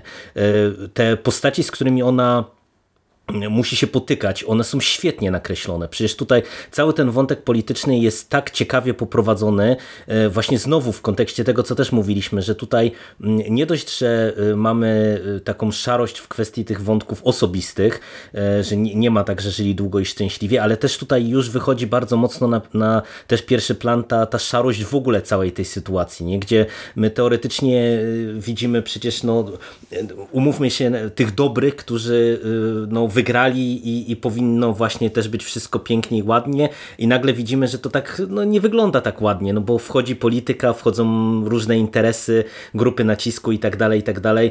I to było super y, nakreślone, tym bardziej, że tutaj jest świetnie wykorzystany mm, wątek y, ten rodzinny lei z przeszłości, y, bardzo mi się to podobało, ale to co do mnie szalenie przemawia to była relacja Hanna i Lei, e, bo naprawdę to, jak oni są tutaj pisani e, w tej książce, to, to dla mnie mhm. jako starego dziada to e, łapało mnie to za serce, mówiąc kolokwialnie, nie? Naprawdę, to jest rewelacyjnie poprowadzone, naprawdę, także no ja e, bardzo dobrze tę powieść pamiętam, bardzo dobrze ją oceniam i z całego, serca, z całego serca polecam. Tym bardziej, że e, tak jak też wspomniałeś, ona nie jest absolutnie niezbędna na przykład do e, znajomości, nie wiem, kontekstów w nowej trylogii, chociaż jakbyśmy złośliwie mogli powiedzieć, nic nie jest potrzebne, żeby, żeby znać jakiekolwiek konteksty w nowej trylogii, ale tak naprawdę to ona moim zdaniem robi też niesamowicie dobrą robotę właśnie podprowadzając pod to co, z czego się trochę wszyscy y, mniej lub bardziej nabijaliśmy, czyli że nagle okazuje się, że w epizodzie siódmym znowu mamy y, ruch oporu i, i nagle nie wiadomo dlaczego mamy takie no, po, powtórkę z Nowej Nadziei, znowu buntownicy i tak dalej, i tak dalej. I ta książka y, moim zdaniem to bardzo dobrze podprowadza właśnie, nie? Dla, dlaczego do tego doszło, jak do tego w ogóle mogło dojść, że, że sytuacja no, tak wygląda w galaktyce, jak wygląda na początku siódmego ósmego epizodu. Ja tylko jeszcze jeden wątek, który mi się niesamowicie podobał, bo w trakcie książki Leia jako pani senator przez pewien czas współpracuje z młodszym senatorem, takim powiedzmy jakby wieku jej syna, czy troszeczkę starszym, który zbiera pamiątki po imperium. Mhm, znaczy, tak, tak. Nie, nie dlatego, że je, jeszcze wyznaje jakby tą metodologię i tak dalej, tylko po prostu dla niego to jest jakby ciekawostka historyczna i jakby ten wątek i jakby różnicy pokoleniowej, jakby, bo dla Lei to są symbole, czy jakby to coś, co zabiło jej ojca, jej planetę i tak dalej, dla niego to jest historia i jakby właśnie ten postęp, jakby to jest coś, co mi się bardzo szkoda, że w nowej trylogii bardziej nie zostało pod, podkreślone, jakby 30 lat minęło i już niektórzy nie pamiętają, już takie stare, stare dzieje, których niektórzy nie pamiętają, jakby coś, co na dzisiaj, dzisiaj nawet obserwujemy w naszym świecie, to też jest świetnie poprowadzone, jakby ten konflikt pokoleń, więc no, mówię, ja, ja nie potrafię znaleźć, nie przypominam sobie złej rzeczy w tej książce, naprawdę, a, a to jest wyzwanie w świecie Gwiezdnych Wojen. Zresztą, no to Aczkolwiek tutaj ten pamiętam- wątek... e, Sorry, cię tak Mando Mando, wpadnę jeszcze w słowo. Z tego, co ty Sef mówisz, to to przecież się ładnie wpisuje właśnie też w ten kontekst historyczny i w takie jakieś odniesienia do, można powiedzieć, tego, co my widzimy za oknem, nie? Że ta, ta książka też ładnie sobie z Dokładnie. tym koresponduje e, na, na obu płaszczyznach, nie? Raz właśnie tym wątku historycznym, dwa całym tym wątku politycznym i tego pogrywania na przykład sobie przeszłością e, i, i wyciągania Znaczy- brudów dla partykularnych interesów tak naprawdę tu i teraz, nie? Oj tak, wycią wyciąganie brudu w tej książce to jest, to jest opanowane do perfekcji. Aczkolwiek pamiętam, jak bardzo nakręciła mnie ta książka na ósmy epizod, bo czytałem to jakieś dwa miesiące przed premierą i naprawdę miałem gigantyczne oczekiwania pod kątem właśnie budowania świata, jak mocno one zostały potem rozbite, choć ja lubię ósmy epizod, to jest fajny film, ale jeśli chodzi o budowę świata, no to znaczy to No nie, no, rozwój, to- no, to- rozwój postaci spoko, ale wiesz, liczyłem, że tak jak siódemka nas tutaj wprowadziła, tak tutaj pójdziemy w tę stronę trochę bardziej prequelową, czyli pokazanie mm, e, różnych st stron konfliktu, świata, polityki, trochę e, resztek wojny, no ale to jest temat na zupełnie inną dyskusję, nie? No E. rozumiem doskonale, nie, nie wchodźmy, bo jak ja zacznę mówić o ósemce, to nie, nie skończymy dzisiaj. I tak możemy dzisiaj nie skończyć, jest 22. Nie no, skończymy, skończymy. Dobra. E, trzeci blok. Trzeci blok, czyli książki jakoś tam korespondujące z animacjami, z serialami animowanymi. Tutaj są trzy tytuły, co prawda tutaj ponownie powinien również znaleźć się Traun, ponieważ Traun też jest książką, e, która wypływa tak naprawdę z serialu Star Wars Rebelianci. Ale Traun będzie później. Natomiast tutaj trzy pozycje, wszystkie trzy jakoś tam związane z innymi serialami. Mm, e, I na razie my sobie pogadamy, bo Jerry na koniec. Mroczny uczeń, Christy Golden. Książka najbardziej chyba zakorzeniona w serialu, ponieważ książka, która jest adaptacją e, niewykorzystanych scenariuszy na kolejne odcinki serialu. E, Po szóstym sezonie, w zasadzie po piątym sezonie serial zamknął, e, został zamknięty na Cartoon Network, ponieważ Disney kupił Lucasfilm. Potem przez Netflix zostały udostępnione bodajże 10 odcinków, to było numerowane jako szósty sezon. Potem były jeszcze odcinki niedokończone, które też były kanoniczne i przez lata gdzieś tam na konwentach podawało się różne historie, gdzieś tam ktoś sprzedawał jakieś opowieści i podkreślało się cały czas, że te niezekranizowane, nie napisane, nie, nie, nie, nie przedstawione publiczności szerszej w, w żaden sposób historie są nadal uznawane za kanon. E, Jedna z nich trafiła do komiksu, jedna do książki właśnie, Mroczny Uczeń. E, I to jest historia Quinlana Vossa i Asajj Ventress. Nie wiem, czy trzeba znać animację. Jak uważasz? Bo to jest niby końcówka, a, a, a rozwój tych postaci mieliśmy jednak w serialu, szczególnie Asajj Ventress, bo Vos to tak się Znaczy, no, delikatnie pojawiał, ale czy da się to czytać bez uwagę- serialu? Znaczy, to jest... Teoretycznie można czytać bez serialu, ale szersz... znaczy, nie znając serialu będziemy mieli wrażenie, że coś tu jest bardzo nie tak w tej książce, ponieważ czytając my doskonale widzimy, w którym momencie zaczyna się ten niezrealizowany odcinek, w którym on się kończy, w którym zaczyna się następny. Tu są takie przeskoki, które są bardzo charakterystyczne dla samego serialu, ale w książce mogą wywołać naprawdę duże, dużą konsternację. I moim zdaniem można to przeczytać, ale po pierwsze brać pod uwagę, że to są niezrealizowane scenariusze i widać, i jakby autorce, bo chyba, chyba autorka jest tej książki, Tak, jeżeli tak, dobrze no, pamiętam. Polsce była, autograf pewnie masz. Y, tak, chyba, może mam, nie pamiętam. I widać, że ona nie do końca jakby udało jej się te takie łączenia między odcinkami jakoś zapełnić, przez co te przeskoki są dosyć zauważalne. No i mimo wszystko zakończenie tej książki, nie będę oczywiście zdradzał jakie, bardziej da się docenić, czy mimo wszystko Mhm. polubić znając cały serial. No. E, bo bo tutaj jest mocny ładunek emocjonalny i, i też fani TCW serialu będą oczami wyobraźni przenosić sobie to, co się dzieje w książce na ten styl animacji. I, i to, to, to jeszcze zgrywa się. Chociaż nie oszukujmy się, to no, no sama fabuła jest mocno taka Clone Warsowa, czyli dosyć czasami głupkowata czy uproszczona, ale można się przy tym nawet nieźle bawić, bym powiedział. Znaczy, według mnie, jeśli chodzi o końcówkę, to też nie będę spoilerował, to jest bardzo ważna książka i powinno się ją znać. Jak się jest jakoś tam trochę większym fanem Gwiezdnych Wojen, to warto to przeczytać, no ale jak się nie zna serialu, to już trochę gorzej. Aczkolwiek dwa minusy. E, Pierwszy, no to mm, w, w, znaczy ja nie znam w cał, całościowo tej serii komiksowej z legend em, Star Wars Republic. Czytałem to Ja do znam, pewnego więc- czasu ale czytałem to po polsku, jak Egmont wydawał, a Egmont bardzo tak losowo wydawał. Oni skakali po Mhm. tej historii, bo wydawali tak, to tak, w Star tak, Wars tak. Comics Extra i w Eg Star Wars Egmont Comics... nie wydał całego. Egmont no, nie wydał nie, nie całego. wydali całego, ale też wydawali, wiesz, raz historię stąd, potem gdzieś tam w ogóle Wiem, jedno bo z pierwszych, czytałem. potem tak. No i przez jakiś czas to czytałem, ale potem stwierdziłem, że kurczę, po co ja mam sobie to psuć? Poczekam, aż oni wydadzą wszystko, a jak nie wydadzą wszystkiego, to, to nabędę i, i przeczytam. No i, i tak się skończyło, że nie przeczytałem do końca. No ale wiem, że tam to było dużo lepiej zrobione. To była naprawdę gigantyczna historia, ym, to było dużo lepiej rozpisane, a tutaj mamy w pigułce. Tak, Tak. naprawdę mamy historię Quinlana Vossa w pigułce, to może być minus. Drugi minus to, co ty wspominasz. Widać przeskoki pomiędzy odcinkami, ale najbardziej w tej książce, i to jest naprawdę bardzo mocno rażące, e, ponieważ e, serial The Clone Wars składa się z arków historycznych, czyli mamy na przykład 3-4 odcinkowe arki i to działa tak, że nie wiem, na przykład mieliśmy historię Maula rozpisaną, także tam powiedzmy w czwartym sezonie był czteroodcinkowy ark o Maulu, potem gdzieś tam w piątym sezonie był znów czteroodcinkowy ark o Maulu, a potem gdzieś tam dalej znów historia Maula, to jest zawsze tak poszatkowane i to jest na takiej zasadzie, że każdy ark jest teoretycznie zamkniętą historią. Opowieść z tego arku jest e, zamknięta, no ale cała historia jest, jest ucięta, nie? Gdzieś to ma iść dalej i zazwyczaj to wygląda tak, że następny ark o, o, o danej postaci jest pisany trochę inaczej. Czyli na przykład jak tu był głównym bohaterem Maul, to w następnym arku głównym bohaterem jest Anakin, który wpada na Maula, ale z jego punktu widzenia zaczynamy. I ta książka jest podzielona dokładnie na dwie części. Widać, że tutaj są dwa arki historyczne. Pierwsza połowa to jest historia Quinla- Quinlana Vossa i Asajj Ventress i to jest z ich punktu widzenia. I dosłownie kończy się, widzimy jak to się kończy, to jest, to ma, w środku książki jest finał, Przechodzimy do części drugiej i to jest historia bodajże Anakina, Obi-Wana i nie wiem czy Mace Windu i, i z ich punktu widzenia widzimy i oczywiście oni wpadają na tych bohaterów, to się wszystko łączy, ale z punktu widzenia powieści to są w zasadzie dwie powieści sklejone w jedno przez to.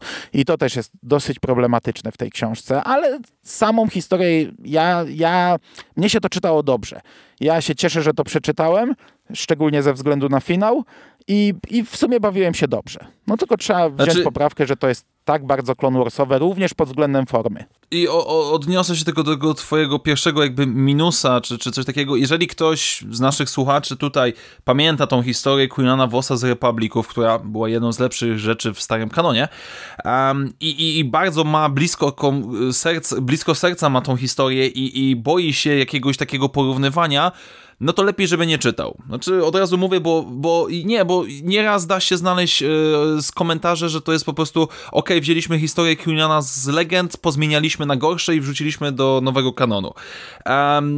Ja lubię obie wersje, żeby nie było, tylko ta, ta republikowa, ta starsza była lepiej zrealizowana, bo to były świetne komiksy. Tutaj troszeczkę na skróty po, y, poszli twórcy, no bo po prostu ok, mamy niezrealizowany scenariusz, wrzućmy to do książki i wydajmy.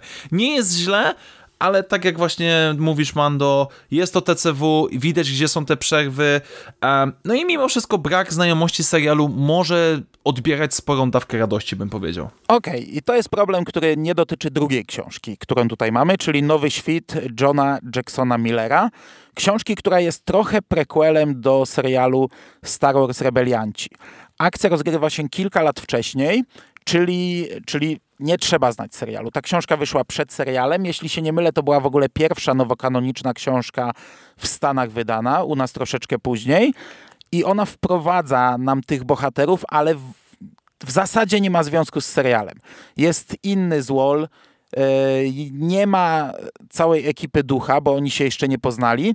Ta książka pokazuje nam pierwsze spotkanie e, Keinana Jarusa z Herą Syndulą i daje nam zupełnie inną, nową, oderwaną przygodę. Mm, I ja ci powiem, że ja wspominam tę książkę bardzo dobrze. I to jest książka, którą ja bym bardzo mocno polecał właśnie zwolennikom takiej przygodówki, e, strzelanki, fajnej, szybkiej e, opowieści. Ja pamiętam, że krótko po lekturze tej książki, bardzo często, kiedy ktoś się mnie pytał, od czego zacząć przygodę z Gwiezdnymi Wojnami, to ja mówiłem Nowy Świt. Bo to jest tak jak mówisz, to jest taka typowa przygoda w świecie Gwiezdnych Wojen, gdzie mamy różnych bohaterów, oni w trakcie książki się zbierają w ekipę, jest jakiś zły główny, który coś tam planuje, oni muszą go w jakiś tam sposób pokonać i oczywiście zazwyczaj pokonują i jest koniec. Tak, to jest, to jest najbardziej typowa książka gwiezdnowojenna, która jest w stylu w zdecydowanej większości. Zdecydowana większość starego kanonu właśnie w ten sposób a, funkcjonowała, czy też nowego. To tak, to jest przyjemne. To nie jest jakoś super ambitne. Poza jednym wyjątkiem, bo mi się tam strasznie w tej książce e, podobał główny zły. Znaczy, główny zły, który jakby pokazany został, został pokazany z punktu widzenia gospodarczo-ekonomicznego. Jakkolwiek to brzmi, to było coś naprawdę fajnego, ponieważ y, nie mieliśmy do czynienia z takim tyranem, który po prostu, nie wiem, tam więził ludzi e, i strzelał do wszystkich takiego, tylko po prostu wyliczył sobie coś w Excelu i według tego planu szedł do przodu. I to jest coś, co mi się strasznie, niesamowicie podoba. A poza tym ta książka jest przyjemna. Ona naprawdę ją się dosyć szybko czyta, łatwa, przyjemna. Potem jest, jest fajnym prologiem, czy też wstępem do rebeliantów, więc ja tutaj też naprawdę ciężko jest mi znaleźć jakieś większe minusy. E, Plus do tego wątek tego, jak niektórzy Jedi radzili sobie po rozkazie 66. To też można dodać jako ciekawostkę. Mhm. Okej. Ja tu więcej nie dodam, ale zgadzam się z tym wszystkim, co powiedziałeś. Szybka, fajna, e, z takim podziałem typowym. Myśmy dwa dni temu z Jerem nagrywali podcast, który jeszcze nie poszedł, więc nie ma co nawiązywać, ale wspominaliśmy o, o takim pisaniu książek, czyli mamy różne postaci i skaczemy. Ten, ten rozdziałik, ta postać, za chwilę przeskakujemy ta postać, ta postać, potem to się wszystko gdzieś tam w pewnym momencie łączy, zawiązuje. To się naprawdę czyta szybko, bardzo dobrze i ja to również polecam fanom tego typu Gwiezdnych Wojen. E, Natomiast przy trzeciej książce z tego worka to już się zgadzać chyba nie będziemy, aczkolwiek będzie dwa do jednego. E, książka Asoka, A.K. Johns, Johnston, mm, autorki, no, A.K. Johnston. Książka Asoka, której akcja rozgrywa się pomiędzy serialami, serialem The Clone Wars a Rebelianci. Bliżej The Clone Wars, jeśli dobrze pamiętam. E, I to chyba nie są scenariusze niezrealizowane, nie? Wiesz co, nie do końca. Znaczy, znaczy, częściowo, nie, bo ta to- bitwa to jest... o Mandalore i... e, Bo i, są retrospekcje. Ja- ja są, nie- jakby jest główna akcja książki, w której Asoka coś tam robi i są takie jakby jej wspominki, jakby takie interludia Mhm. trochę i one łączą się z tym, co teraz obecnie dostajemy w siódmym sezonie Clone Warsów. No, ja jeszcze ten siódmy mam troszeczkę w plecy, tam z, z, złapałem zawiesz, zawiechę na początku, ale nadrobię, także nie wiem jeszcze na, na ile to nawiązuje, no ale jest tu wspomniana jakaś bitwa właśnie chyba o Mandalore, jest wspomniane po, pojmanie Tak, tak. Darta Maula, także to są takie rzeczy, które wiedziałem, że w tym sezonie będą. Aczkolwiek ca cały raczej skupia się na Asoce, e, trochę też łącząc się z rebeliantami, no bo mamy wątek inkwizytorów, ale teraz to może zanim ty zaczniesz tutaj narzekać niepotrzebnie, to oddamy głos Jeremu, ponieważ chłopak tam, nie wiem, zasnął może. Zasypia.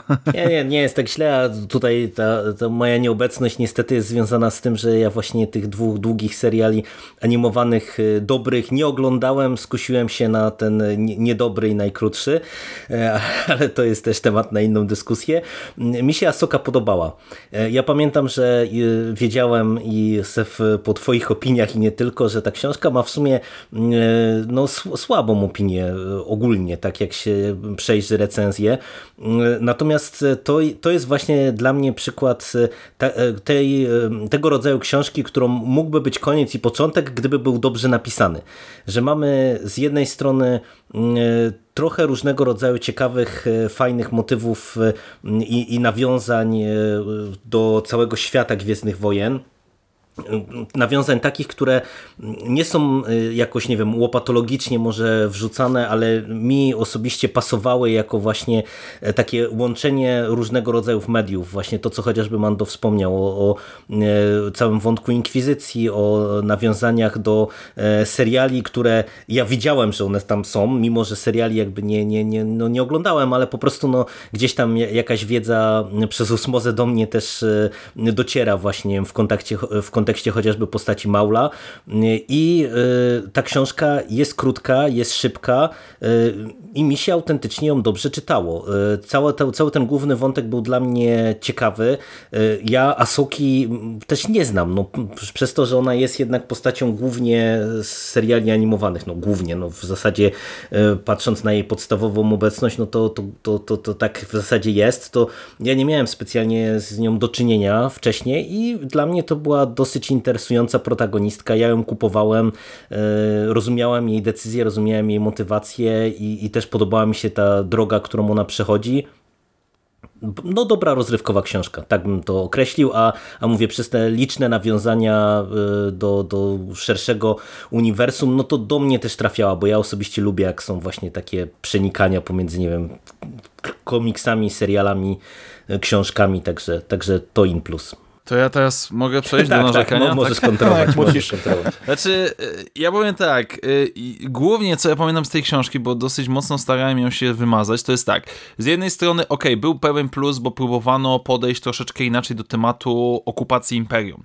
Znaczy się, Imperium eksploatuje planety, co generalnie w nowym kanonie było często pokazywane i to fajne, to, to było przyjemne, ale co mi najbardziej przeszkadzało w tej książce, i ja wiem, że ona jest chyba młodzieżówką, ten teen adult, czy tam young mhm, adult, mhm. czy, czy tak, ale mimo wszystko, porównując na przykład do Utraconych Gwiazd, czy też innych młodzieżówek, bo chyba wszystkie młodzieżówki, jakie wyszły w nowym kanonie, czytałem, jakby, no, ta książka była tak dziecinnie napisana i tak prosto, znaczy y, y, tak konstrukcja świata jest dobra, Asoka, są źli imperialni, są biedni ludzie, którym Asoka pomaga.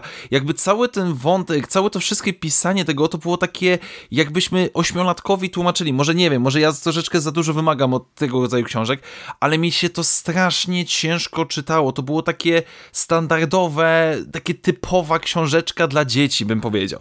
Co jest paradoksalne, bo potem ta sama autorka kilka, y, rok chyba później napisała absolutnie absolutnie rewelacyjną książkę o Padme Amidali i jej służkach. Ja myślałem, że nigdy w życiu tej książki nie przeczytam, a ona była niesamowicie lepsza. Ale wracając do Asoki, no, no przeszkadzało mi to. Po prostu jakby ukazanie tego świata, sposobu myślenia, gdyby nie te interludia z przeszłością, to naprawdę byłoby tragicznie. Znaczy jest słabo dla mnie i Asoka absolutnie, ale na fali obecnego TCW, czy też jeżeli ktoś lubi TCW albo lubi Asokę, no to to jest książka bardzo, może nie tyle potrzebna, co, co warta uwagi. Znaczy tutaj absolutnie mogę, mogę mieć swoją opinię, ale jest tam trochę informacji istotnych dla tej postaci i jakby jej łączenia między TCW a Rebelsami, więc pod tym względem warto się z nią zapoznać. To ja nie będę się tutaj kłócił, ani absolutnie przekonywał, bo to nie jest miejsce ku temu, ale ja tak nie odczułem, ale no nie wiem dlaczego ja nie, nie miałem takich y, skojarzeń, a mnie się tę książkę mm, czytało naprawdę gładko, łatwo, przyjemnie i bardzo szybko. Ja ją przeczytałem chyba, nie wiem, no, chyba w jeden dzień. też, to pewnie... To, no właśnie, to, to, też jest dla mnie plus, bo tak, ja lubię krótkie książki z tego uniwersum, ale podobało mi się, podobało mi się w zasadzie chyba wszystko. Ja naprawdę, z tego co pamiętam, to, no to chyba na nic w tej książce nie narzekałem. Tak jak mówiłeś, 2-1 po prostu. Mhm. Ale też nie jest to coś, co bym jakoś szalenie polecał, nie? Bo co prawda można to chyba czytać bez znajomości The Clone Wars. No Jestem można, żywym dowodem, że można. znaczy można, ale no okej, okay, no to Jerry potwierdza, Ale że jednak, można i można no się wiesz, przy tym no dobrze bawić. Mamy ten tutaj bagaż e, jej z Anakinem, gdzieś tam on jest no trochę no tak. wyczuwalny, a też jak, jak no. oglądaliśmy już Rebeliantów, wiemy jak on zostanie sfinalizowany. Mm, więc fajnie jednak chyba to znać. Ale Znaczy no, trochę podobnie jak w Przymrocznym Uczniu, e, czyli znajomość serialu dodaje wartości jakiejś tam, chociaż nie jest niezbędne. dobrze, to ja nie będę tutaj już więcej o Asoce, aczkolwiek ja tam troszeczkę polecam. E, I przejdźmy do takiego bloku, przy którym będę miał raczej niewiele do powiedzenia, chociaż tutaj katalizator też trafił, ale to katalizator na koniec. Łotra sobie wyrzucimy, łotra i obudowę wyrzucimy na koniec, najpierw przez epizody, czyli adaptacje mm, filmów. I ja od zawsze byłem niezwolennikiem adaptacji. Może nie tyle przeciwnikiem, co sam nigdy nie rozumiałem sensu przenoszenia mm, filmu na inne medium, czy i, te, i tak dalej. E, Szczególnie w przypadku filmu na inne medium, no bo dobra, adaptacja książki, no to spoko, to jest zupełnie co innego, ale w przypadku takiego uniwersum, gdy na przykład przeczytałem Trauna, no to nie chce mi się już sięgać po komiks Traun, gdy obejrzałem film, nie chce mi się sięgać po książkę czy adaptacje komiksowe ja w większości z tego nie przeczytałem. E, tak naprawdę Uroboros wydał trzy epizody, czyli Nową Nadzieję, e, podpisaną przez George'a Lucasa, no ale napisaną przez Alana Dean Fostera, Przebudzenie Mocy, czyli siódmy epizod, napisany przez Alana Dean Fostera i Ostatniego Jedi, napisanego przez Jasona Fry. Nowa Nadzieja nie czytałem nigdy, żadnej wersji. Ja wiem, że fani w moim wieku, czy tam troszeczkę starsi, to zaczytywali się tymi książkami, ale ja w książki Gwiezdnowojenne wszedłem jakieś 11 lat temu, gdzie miałem już wybór, a jak miałem wybór, to wybierałem co innego. I raz chyba próbowałem, ale to było z, z takim tłumaczeniem, że odbiłem się już po pierwszej stronie, bo tam były te C3PO i R2D2, że oni pierwszej scenie występują często, to nie, nie, nie, nie przetrwałem. Natomiast e, co ciekawe, przy czym, no tak jak mówię, nie czytałem tej Nowej Nadziei wydanej przez mm, Uroboros, ale ona jest jakąś wersją poprawioną. Nie? Tam się gdzieś Scarif pojawia, przy czym podejrzewam, że to jest po prostu w jednym zdaniu jedno słowo się pojawia, że to nie są żadne sceny dodane, tylko, tylko gdzieś tam po prostu wciśnięte, że jak ktoś jest, nie wie, to pewnie jest to nie zauważy. wklejone jakby w dialogi. Aha. Ty czytałeś, jakby nie? I w z tego, co ten pamiętam- wychodzi. Ty czytałeś i z tego co pamiętam, zadowolony nie byłeś jakoś szalenie mocno. Znaczy, pamiętam, że nagrałem bardzo durny filmik na swoim kanale. E, nie, mi to przeszkadzało, bo żebym dobrze pamiętam, tam z jednej strony sposób pisania dialogów szczególnie był tragiczny, tłumaczenie, to znaczy to nie była wina tłumaczenia, z tego co pamiętam, tylko jakby wina napisania. I jeżeli dobrze pamiętam też, to jest ta słynna wersja, w której są kaczki. W której Obi-Wan opowiada Luke'owi Skywalkerowi o historii, o coś tam o kaczkach, czy coś w tym stylu. No naprawdę dziwna lektura, bardzo dziwna i, i nie polecam, bo jeżeli znamy filmy, ona nie, ona nie wnosi nic dodatkowego. Jakby to jest to, o czym będziemy przy epizodzie 7 i 8 mówić e, i co ja będę bronił trochę tamtych książek jakby ta, ta epizod czwarty nic nie wnosi, absolutnie. Poza ładną okładką i ładnym wyglądaniem na półce, to, to ten tytuł moim zdaniem Hmm. można sobie spokojnie odpuścić. Czy ja mam, takie, mam taką wizję, wielokrotnie ją chciałem zrealizować, przeczytać te wszystkie adaptacje i zrobić jakiś podcast o tym, ale to tak mi się wydaje tak bardzo zmarnowanym fragmentem życia. Co prawda nie czytałem cały czas Zemsty Sithów, a to chyba wszyscy tę książkę stawiają gdzieś tam bardzo wysoko, E, no ale cały czas mam opory. Dobra, natomiast nowe epizody, tutaj mamy dwa róż, dwie różne opinie. E, co prawda ja nie skończyłem Ostatniego Jedi, a w zasadzie go tylko zacząłem, ale tak, Przebudzenie Mocy jest według mnie bardzo słabą książką.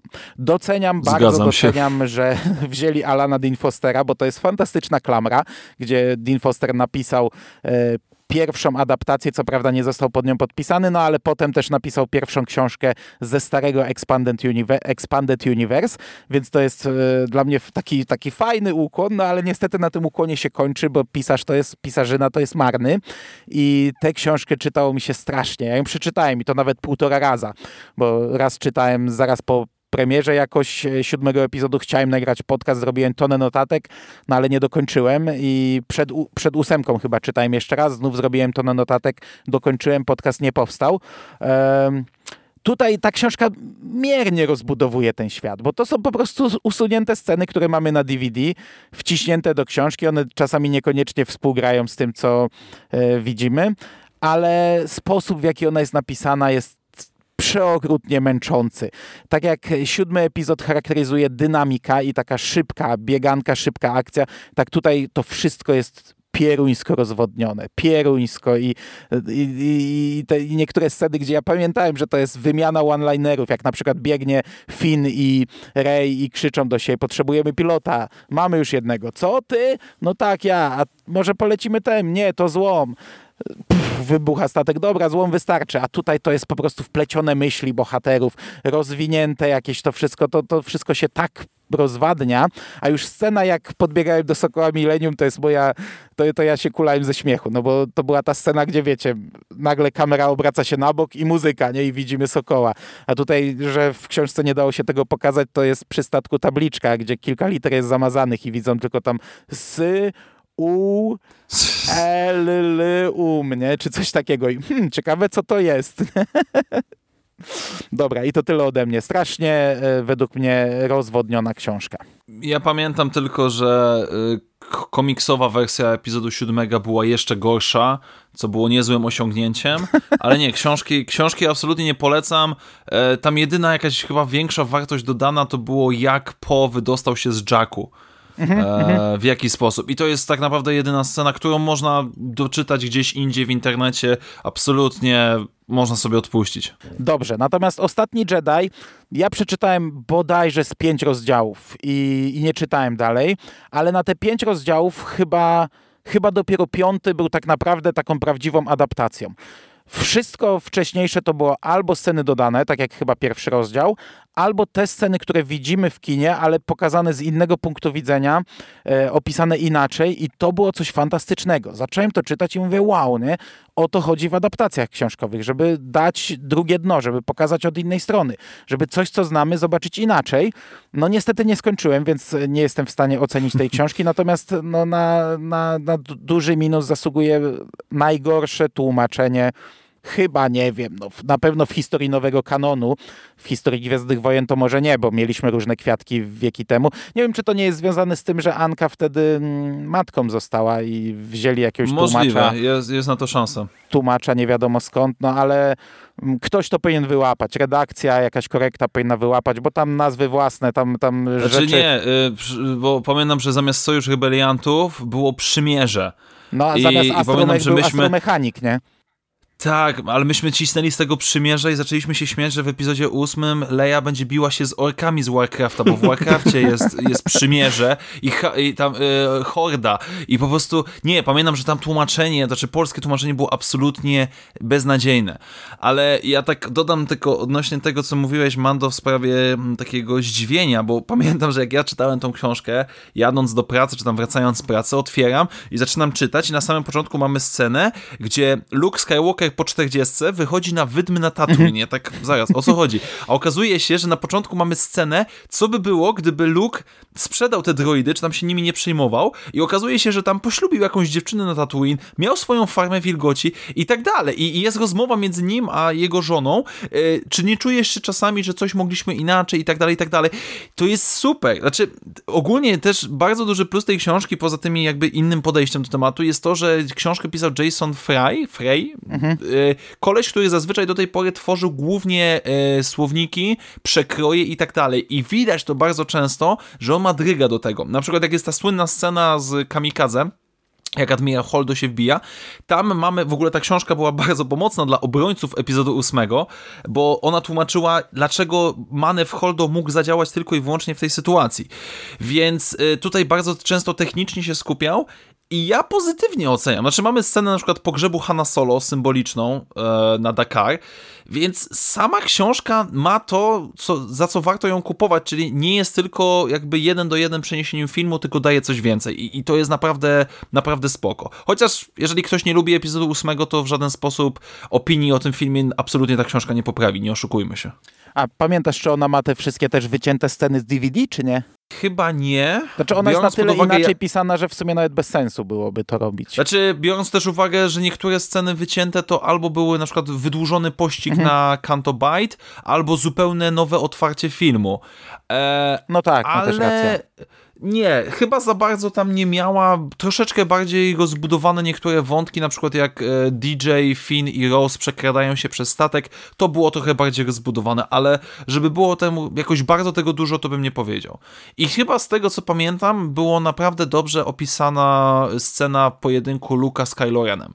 Znaczy jakby tak e, autor stanął na wysokości zadania, jeżeli chodzi o ukazanie tych emocji i, i to mu wyszło. Znaczy ja dobrze tą książkę wspominam. Ja dobrze wspominam te pierwsze pięć rozdziałów. E, Okej, okay. katalizatora zostawimy sobie na koniec, więc Jerry jeszcze chwilę posłuchaj, a ja tutaj nic nie dodam, ponieważ ja nie czytałem Łotra 1, a ty się pewnie rozwiniesz, bo zakładam, że to autor twojej ulubionej książki Gwiezdnowojennej, do której już niebawem przejdziemy, a Water 1 Dobra, wpisuje się w Postaram się nie rozwinąć za bardzo, żeby nie wyszł samolubny podcast. Znaczy, Aleksander Fried, który napisał um, nowelizację Water 1 i, i która wpisuje się w to, o czym przed chwilą mówiłeś, Mando, czyli ukazywanie historii z innej perspektywy. E, jedną z takich scen jest to, że e, kiedy mamy scenę strzału na, na nie na Scarif, tylko na na tej kościelnej na, Jezus, jak się nazywało to? Wyleciało mi z głowy. E, ta planeta, która została Jeddah? uszkodzona, to miasto. Jeddah? Mhm. Jetta, dziękuję.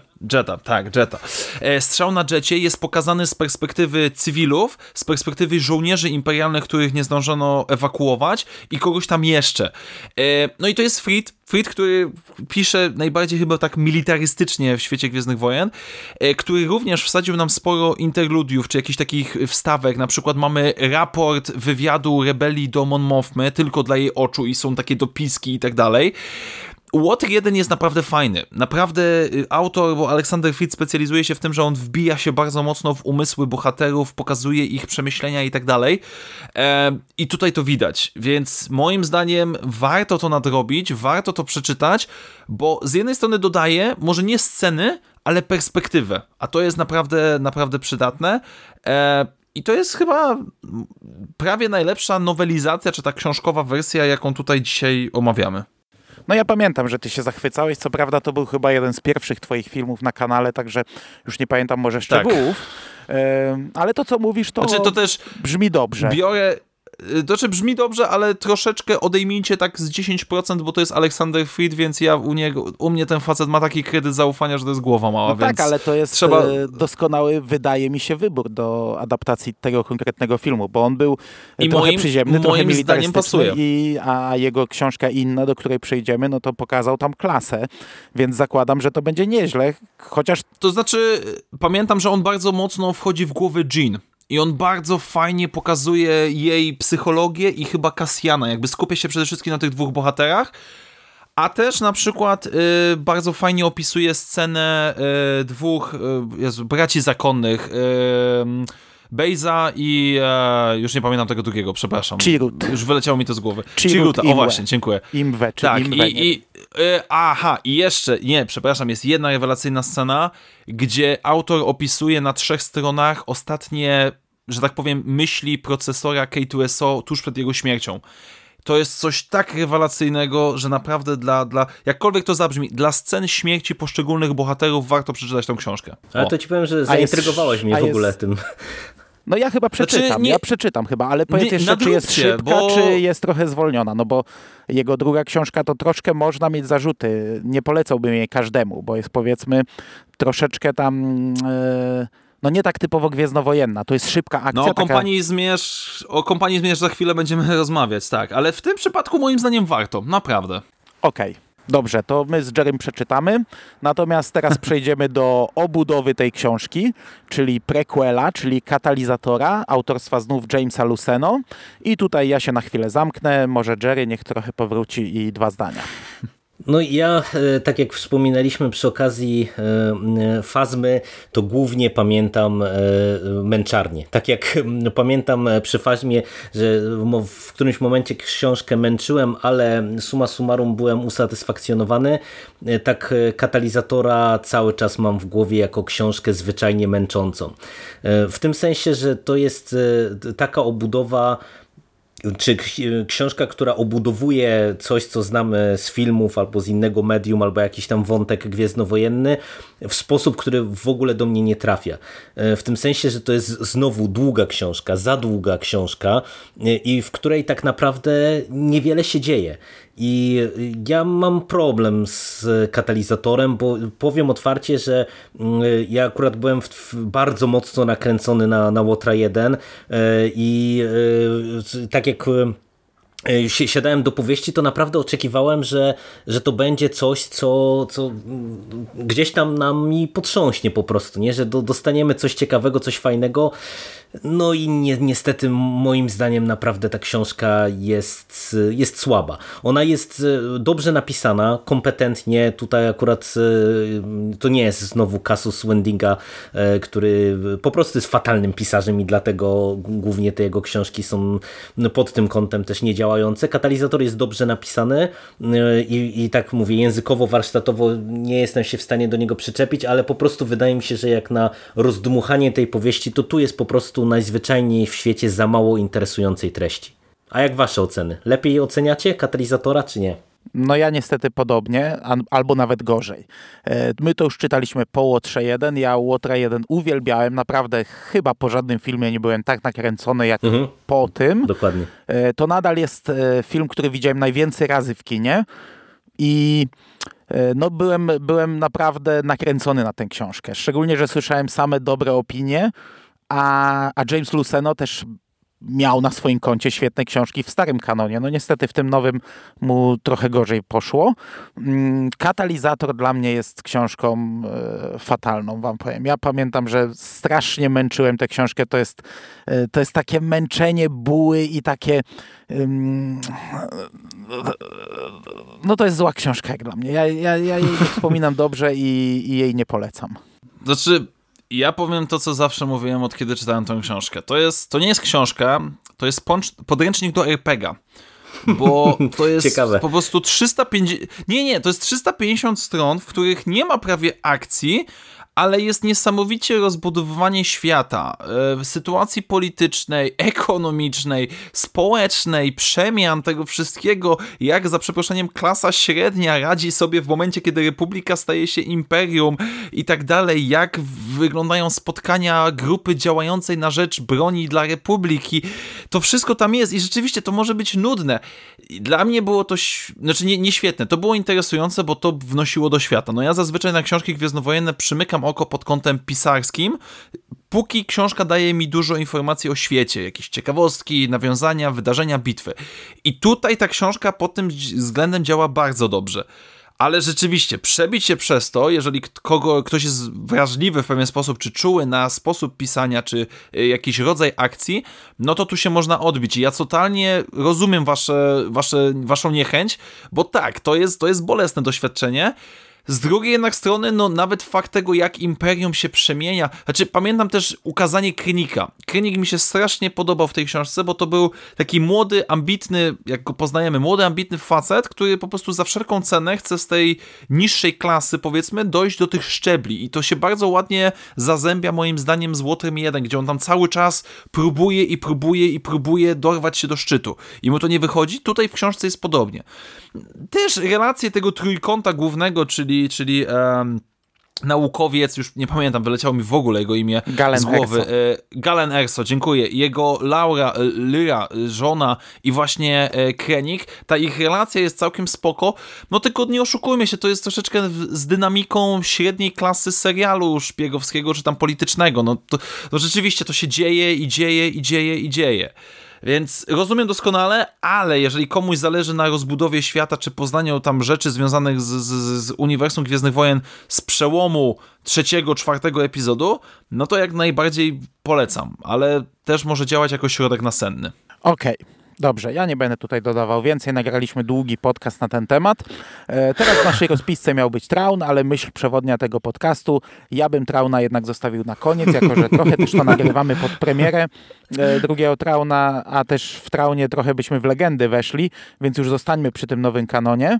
Chociaż teraz jak się mm, Sef rozgada, to może nam wyjść pół godziny. Obiecuję, że będę się ograniczał. Ponieważ na koniec tutaj Jerry w naszej rozpisce, na prawie koniec, bo jeszcze Traun, e, zostawił nam takie książki, y, które nazwał Różne Nie wiem, czyli takie książki, które y, w zasadzie nie da się sklasyfikować do żadnej kategorii, chociaż pierwsza jest pod gry, ale dwie następne już nie. Znaczy pierwsze dwie, bo to dwie części. I możemy zacząć od dwóch Battlefrontów. E, Battlefront 1 chociaż on nie ma chyba numerka, Battlefront Kompania Zmierzch autorstwa Aleksandra Frida, a potem Battlefront 2 mm, Oddział Inferno. Jezus, oddział Inferno, Christy Golden. I zaczniemy od Battlefronta pierwszego, bo to jest książka faktycznie warta uwagi. Ja się nie wypowiadam, ja, ja, ja się Nie, no ograniczam. musisz, nie, no nie, nie, nie, nie ograniczaj się, bo ja akurat y, y, Dobrze, mam wyrzut, okej, wyrzut dobra, sumienia ja- i ja- nie czytałem pierwszego Jerry, Battlefronta. Jerry y, często wych, to, to jest taki żart hermetyczny.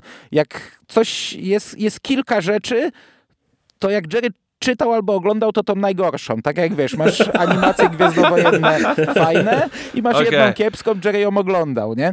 Jak my Znaczy- oglądaliśmy serial Into the Dark, to najgorsze odcinki oglądał Jerry. No tu mamy dwie części, jedna fantastyczna, druga słaba. Jerry czytał słabą, także my zaczniemy od tej fantastycznej. Znaczy, Okej, to żeby, żeby nie wyszedł na psychopatę, ta książka jest negatywna, jest pesymistyczna, jest, jest tak niesamowicie inna od tego, co dostajemy w całym uniwersum Gwiezdnych Wojen. Naprawdę rzadko kiedy trafiają nam się pozycje takie, bo sama historia skupia się na oddziale, na kompanii zmierz, na oddziale z, z, e, tam z, zmotoryzowanej piechoty rebelii, która po prostu lata od misji do misji, od planety do planety. Ale to jest z perspektywy takiego, takiego full metal jacket, takiego obcego, gdzie ci zwykli ży, szarzy żołnierze mają całkowicie gdzieś Luka Skywalkera, Hanna, Leję, oni nie wiedzą kto to jest.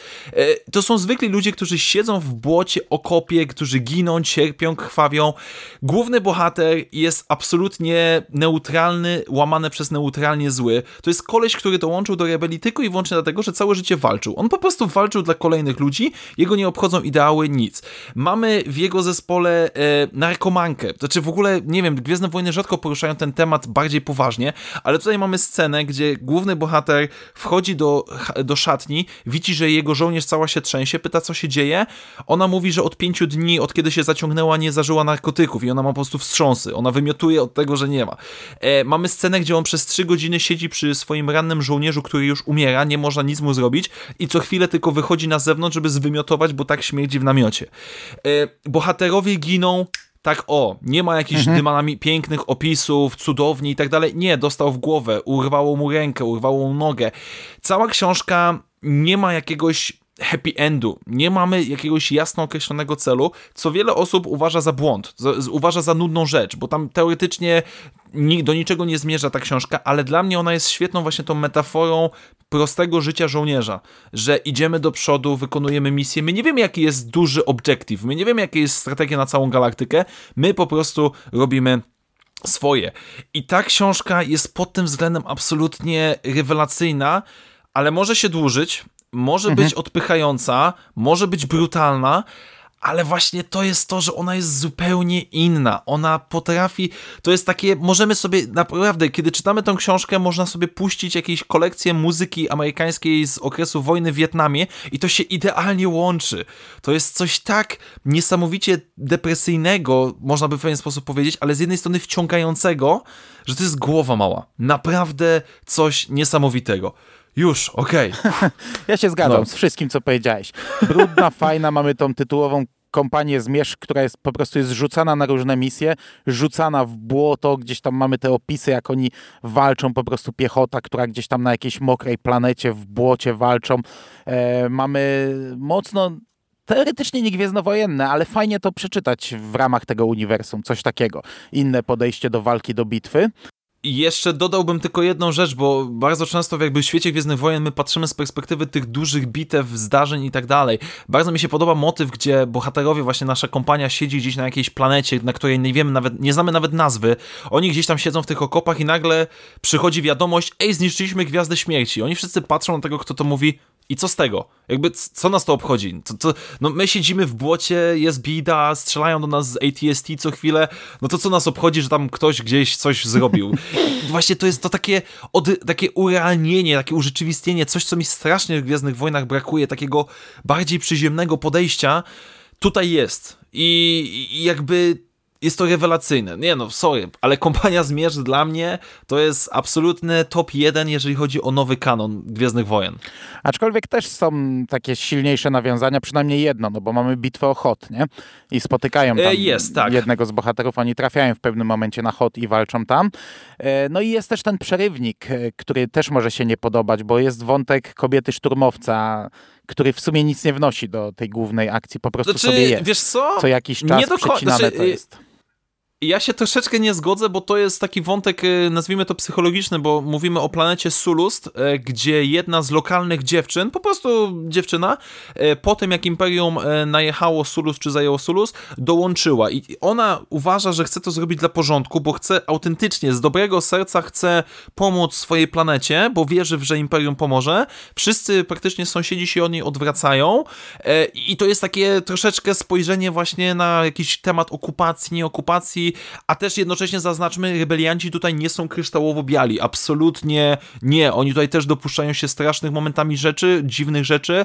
E, więc y, ja rozumiem, dlaczego ten przerywnik może być taki dziwny, ale też ma troszeczkę tej wartości dodanej, bym powiedział. Tak jest, dobra, ja się z tym wszystkim zgadzam. Co prawda pamiętam, że miałem taki moment, że no, że uważałem, że tak z, z 70 stron można by wyciąć, bo miałem taki moment, że trochę za długa, ale to jest naprawdę bardzo dobra książka. A jeszcze mi powiedz, ty grałeś w pierwszą grę? E, pogrywałem. Nie łączy się w żaden W sposób, żaden sposób absolutnie. się nie łączy, no bo druga Nie, się łączy, nie. tylko że łączy się na takiej zasadzie, że w zasadzie nie trzeba znać gry ym, przy drugiej Nie, części, nie ale trzeba, pierwsza w ogóle się nie łączy, tak? Nie, bo w ogóle w pierwszej nie było tak naprawdę kampanii single playera, można by powiedzieć. Tam nie było żadnych y, tytuł y, imiennych bohaterów poza Mhm. Hanem, Luke'em, Leją, Vaderem i tak dalej. Więc nie, gra absolutnie nic się nie łączy. Mhm. W przypadku drugiej mamy połączenie, ale ja nie wiem, no, ja sobie obejrzałem filmiki e, z, z, tymi, z tymi postaciami na YouTubie, żeby mieć chociaż jakiś kontekst, co to jest, tylko że to jest tam wiele lat później i już po innej Znaczy, stronie książka jest wstępem. Książka No. pokazuje origin tego Inferno Squad, a gra pokazuje środek i zakończenie, powiedzmy, tak w są. skrócie. Czyli nie trzeba znać gry w przypadku drugiej książki, żeby Nie trzeba. czytać, e, żeby, żeby, żeby zrozumieć książkę. No ja nie znałem, a książkę zrozumiałem, aczkolwiek e, drugi tytuł to jest e, według mnie dużo gorsza rzecz. I ja ją, znaczy, ja w ogóle już niewiele pamiętam z tej książki, wam powiem, ale, ale pamiętam, że moje odczucia nie były zbyt pozytywne. Znaczy, bo ta książka moim zdaniem ma e, ten problem, co już parę wymienionych tutaj, czyli jest za długa. Ona po prostu w którymś momencie Ale ta druga jest krótsza, siada. ta druga jest dużo krótsza. Nie no, jest, jest krótsza, ale i tak jest za długa, bo tam po prostu w którymś momencie moim zdaniem e, tempo strasznie siada, nie? bo to, to, to nie jest zła książka. Ona fabularnie moim zdaniem jest e, całkiem w porządku i mi się na przykład podobało jakby samo to, że znowu mamy trochę inne podejście do, do tego wszystkiego, nie? że znowu widzimy e, tych złych, e, mówiąc kolokwialnie, ale nie, że, no, trochę schodzimy na ziemię, na takie te bardziej przyziemne dylematy i to, co na przykład mówicie, no to zakładam, że, że gdzieś tam to może dlatego też się wpisuje w te dwa tytuły Battlefront, że, że wchodzimy na tych zwyklejszych żołnierzy, a nie na wielkie kampanie i wielką politykę. I, I dla mnie to, że tutaj mówię, idziemy w takim kierunku, to było w porządku i to było nawet nieźle e, prowadzone, tylko od któregoś momentu, mm, no bo to można powiedzieć, że to tak jak z tego co mówicie, jedynka jest takim e, tytułem militarystycznym, tak e, dwójka jest bardziej takim tytułem e, ala szpiegowskim, no bo w zasadzie pomimo tego, że tutaj e, mamy ten oddział Inferno tytułowy, no to w zasadzie to jest taka e, no, no szpiegowska książka bardziej, nie? gdzie mamy infiltrację, jakieś tam komórki i, i perypetie z tym związane tych postaci. I e, mówię, tutaj wiele takich motywów, e, e, które dostajemy właśnie w kontekście tego, że mamy cały ten wątek infiltracji, mi się podobały i y, podobało mi się, jak to zostało, mm, czy jakie, jakie pytania, czy jakie motywy tutaj są poruszane, jakie pytania są stawiane. Natomiast właśnie, no niestety to jest przegadane, za długie i przez to w którymś momencie bardzo mocno męczące, bo y, jakby tutaj wywalić, nie wiem, z 70-80 stron ze środka, to myślę, że to by się nam zdynamizowało, książka by wiele nie straciła y, z, no, z, tej, z tych wątków, które chce gdzieś tam nam zasygnalizować, czy, czy jak, na jakich stronach chce zagrać, a po prostu by się ją lepiej czytało. No wydaje mi się, że tutaj trochę właśnie warsztatowo coś, coś nie pyknęło. Znaczy, ja pamiętam swój główny zarzut do tej książki było to, że ona jakby fabularnie, główne założenie było jeszcze z pałkiem spoko, ale realizacyjnie było durne ponieważ jakby fabuła jest taka, że oddział Inferno elitarny, super z czterech członków ekipy, każdy specjalizuje się trochę w czymś innym. Nie zostaje wysłana, tego, żeby zinfiltrować znaczy nie, zostaje wysłana, żeby zinfiltrować grupę jakichś tam rebeliantów, którzy robią super zamieszanie. Okazuje się, że tych rebeliantów jest 10, czy tam nawet mniej. E, te ich szkody, jakie oni tam robią, są no, nie aż jakieś gigantyczne, a oni się z nimi cackają przez całą książkę. I ja po prostu, nie wiem, teraz jestem w trakcie nadrabiania Bondów, to mi się kojarzy to z tym, że jak łapią Bonda, to zamiast od razu mu wsadzić kulkę w łeb i do piachu, to nie, wrzucają go tam do aligatorów czy do czegoś, zamiast po prostu rozwiązać problem. I tu jest to samo. To jest to samo, bo to jest... Ludzie, no przecież w pewnym momencie moglibyście wszyscy się obudzić w środku nocy, wszystkich pozabijać śpiących i byłby spokój. Naprawdę, i byłby koniec. A my tutaj nie kombinujemy, spiskujemy i to jest takie granie warta świeczki. Jakby to, to mi przeszkadzało. Już pomijam, co tam się dzieje dalej i jakiś tam yy, okazuje się, że jeden z bohaterów jest kimś tam innym i to miało być takie wielkie zaskoczenie, a jak dowiadujemy się, jak się nazywa ten bohater, to musimy sprawdzić na internecie, kto to do cholery jasnej był, no, bo tak, tak. nie masz pojęcia. No. Więc no, no jakby pomysł nie jest zły. Realizacja czasami też, szczególnie jak oni tam infiltrują na początku ten zespół, ale potem to jest właśnie takie granie w kotka i myszka, a my patrzymy tylko na zegarek, kiedy to się skończy. No, no, Christy Golden też nie miała szczęścia w nowym kanonie. Ja czytałem kilka jej książek ze starego kanonu i pamiętam, że wspominam nieźle, a w tym nowym dostała w sumie złe tytuły. Oba pod coś podpięte. I, a co ona dostała no. poza y, kompani- tym Battlefrontem no jeszcze dwójką? ten, jeszcze Mroczny Uczeń. A, Mroczny Uczeń, dobra, mhm, tak. Dobra, no to na koniec dwie książki.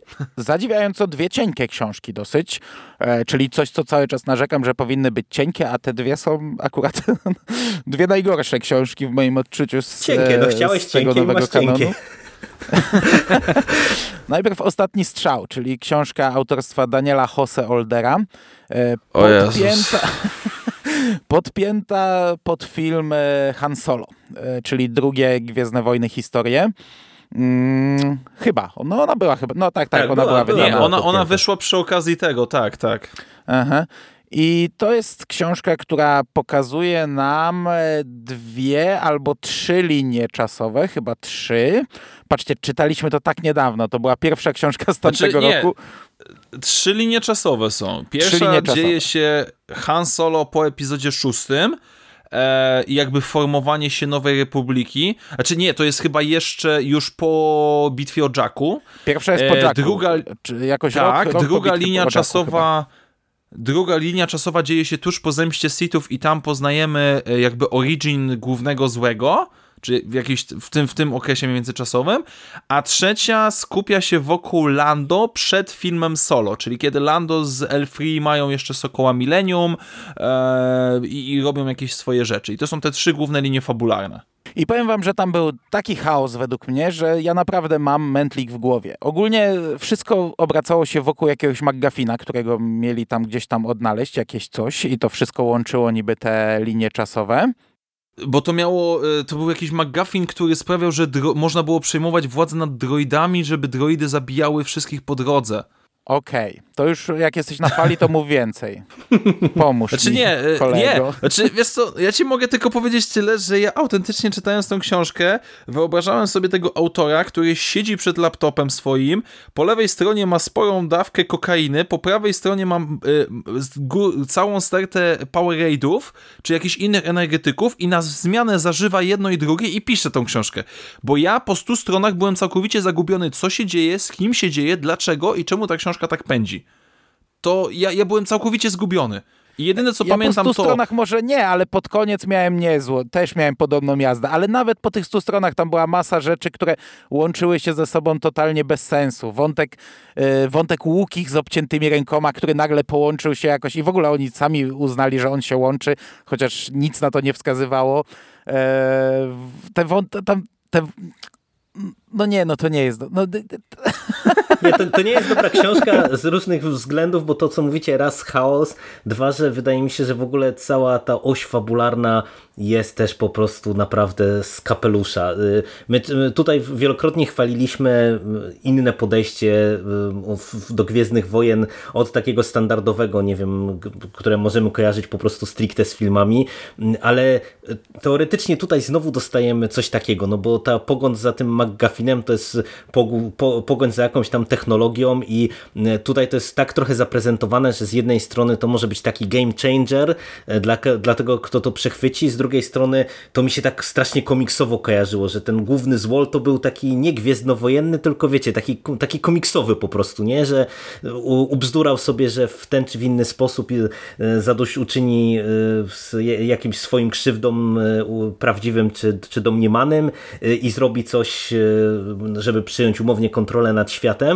Tylko, że to po prostu jest właśnie raz chaotyczne, źle napisane, a do tego pełne dziwacznych pomysłów, które się średnio kleją w jakąś taką fabułę. I kiedy my dochodzimy do tych finałowych rozwiązań, to, to tak z konsternacją to się przyjmuje, ja bym powiedział, nie? Także no to nie jest dobra książka niestety. Znaczy, zaznaczmy dwa pomysły. Z jednej strony, który jest dziwny, chociaż ja go nawet lubię, czyli e, Han Solo kompletuje zespół i jako informatyka hakera bierze Ewoczkę i Łoczkę, czyli mamy Ewoka, który nauczył się w ciągu roku czy tam półtora języków programowania i hakowania, ale z drugiej strony mamy wątek, gdzie w placówce Nowej Republiki znajdujemy oficera e, Gunganina, no i Han Solo, kiedy spotyka tego oficera, zaczyna mówić misa tutaj, misa tamto, oficer na niego patrzy, Czemu, czemu twierdzisz, że wszyscy jesteśmy niedorozwinięci i mówimy w taki dziwny sposób? Nie, to był jeden z lepszych momentów no. tej książki, bo rzeczywiście było takie e, e, jestem Gunganinem, a nie Jar Jarem i to, to było akurat dobre, ale reszta to chaos. Jeszcze to był jakiś element z pijanym rebeliantem, który też był dobry, ale totalnie mi wywiało, co coś, to było. Nie, y, to było coś takiego, że Lando, albo nie, Han chyba miał jakieś problemy, usiadł na parce w ław, y, na ławce w parku i jakiś pijany rebelian do niego przyszedł z flaszką i zaczął mu prawić naprawdę dobre rady miłosne. Było. Okej, okay, tak. Rzeczywiście, znaczy Jose czasami, ten autor nasz tutaj ma czasami takie przebłyski geniuszu, to mu trzeba przyznać, ale, ale rzadko. Dobrze, nie polecamy. E, nie, nie. Na koniec w tym bloku książka, która teoretycznie powinna być dobra. No bo po pierwsze nie jest gruba, więc przebrniemy przez nią, powinniśmy przebrnąć szybko. Po drugie jest o Luku, a to jest chyba jedyna książka o Luku w nowym kanonie. Bo Luka w zasadzie nie ma w nowym czy kanonie. Znaczy jako postać, fabular...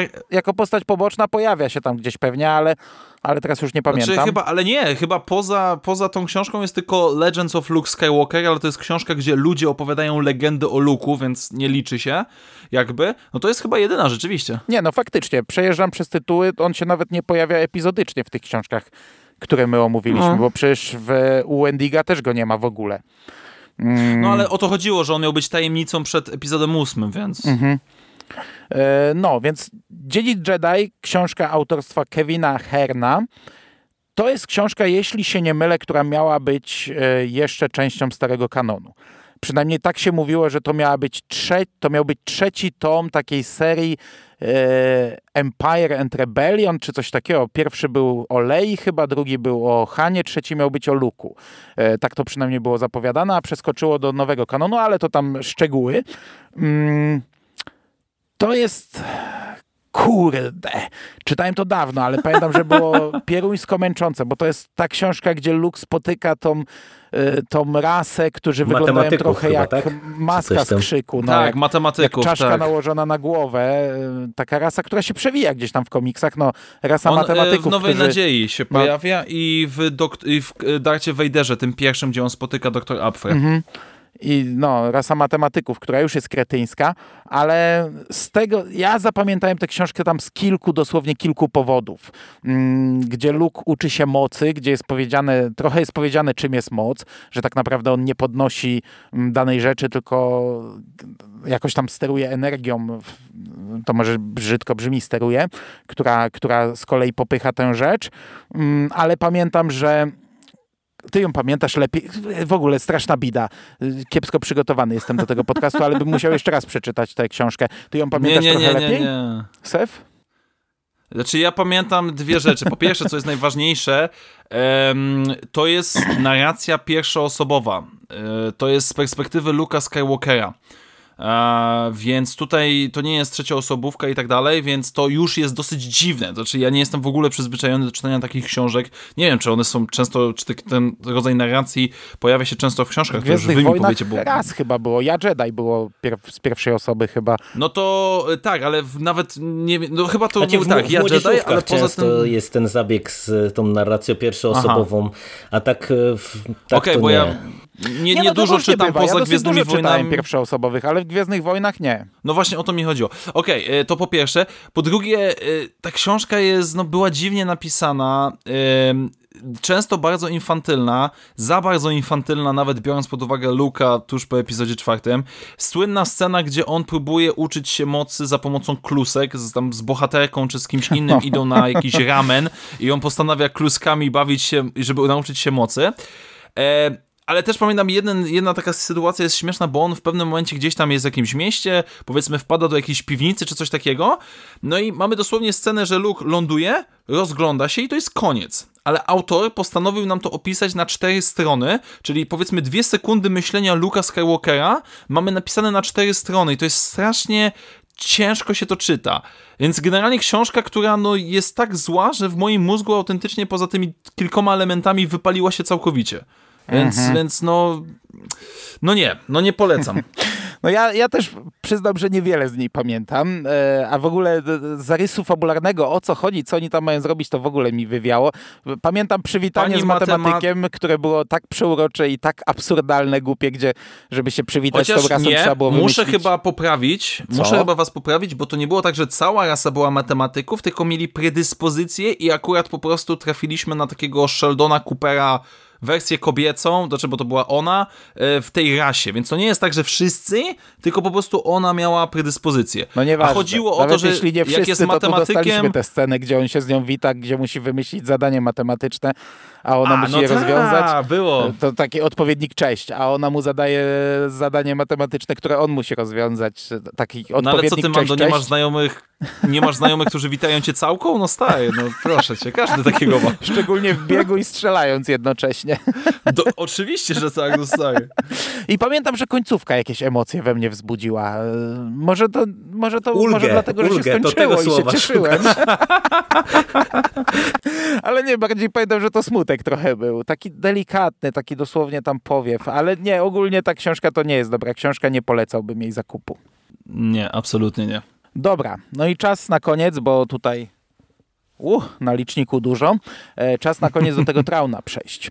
E, ostatnimi czasy e, Uroboros wszedł w Trauna nieco bardziej.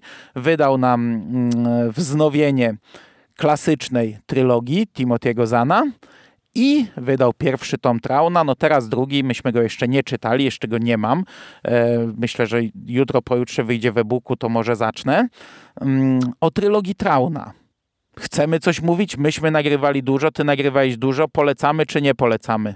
Znaczy, ja ze swojej strony nie jestem zwolennikiem starej trylogii Trauna, ale moim zdaniem warto przeczytać, bo był to kamień milowy, jeżeli chodzi o stary kanon Gwiezdnych Wojen. Tego nie można zaprzeczyć. Można się spierać, jaka jest jakościowo ta książka, ale no, no mało kto, mało co miało takie znaczenie dla rozwoju uniwersum jak trylogia Trauna. Więc z ciekawości archeologiczno-muzealnej, moim zdaniem warto. A ja bym nawet powiedział, że nie tylko ten aspekt archeologiczny jest interesujący, tylko jeżeli ktoś szuka dobrej książki rozrywkowej z tymi filmowymi postaciami, ale też z jak, jakimiś interesującymi postaciami dodanymi do, do właśnie tego kanonu, to jest to naprawdę dobra trylogia. Ja pamiętam, że po pierwszej książce to ja trochę nie rozumiałem tego fenomenu całej tej trylogii, ale już właśnie w oderwaniu trochę od tego, jakim ona była kamieniem milowym, tylko ona, ona cały czas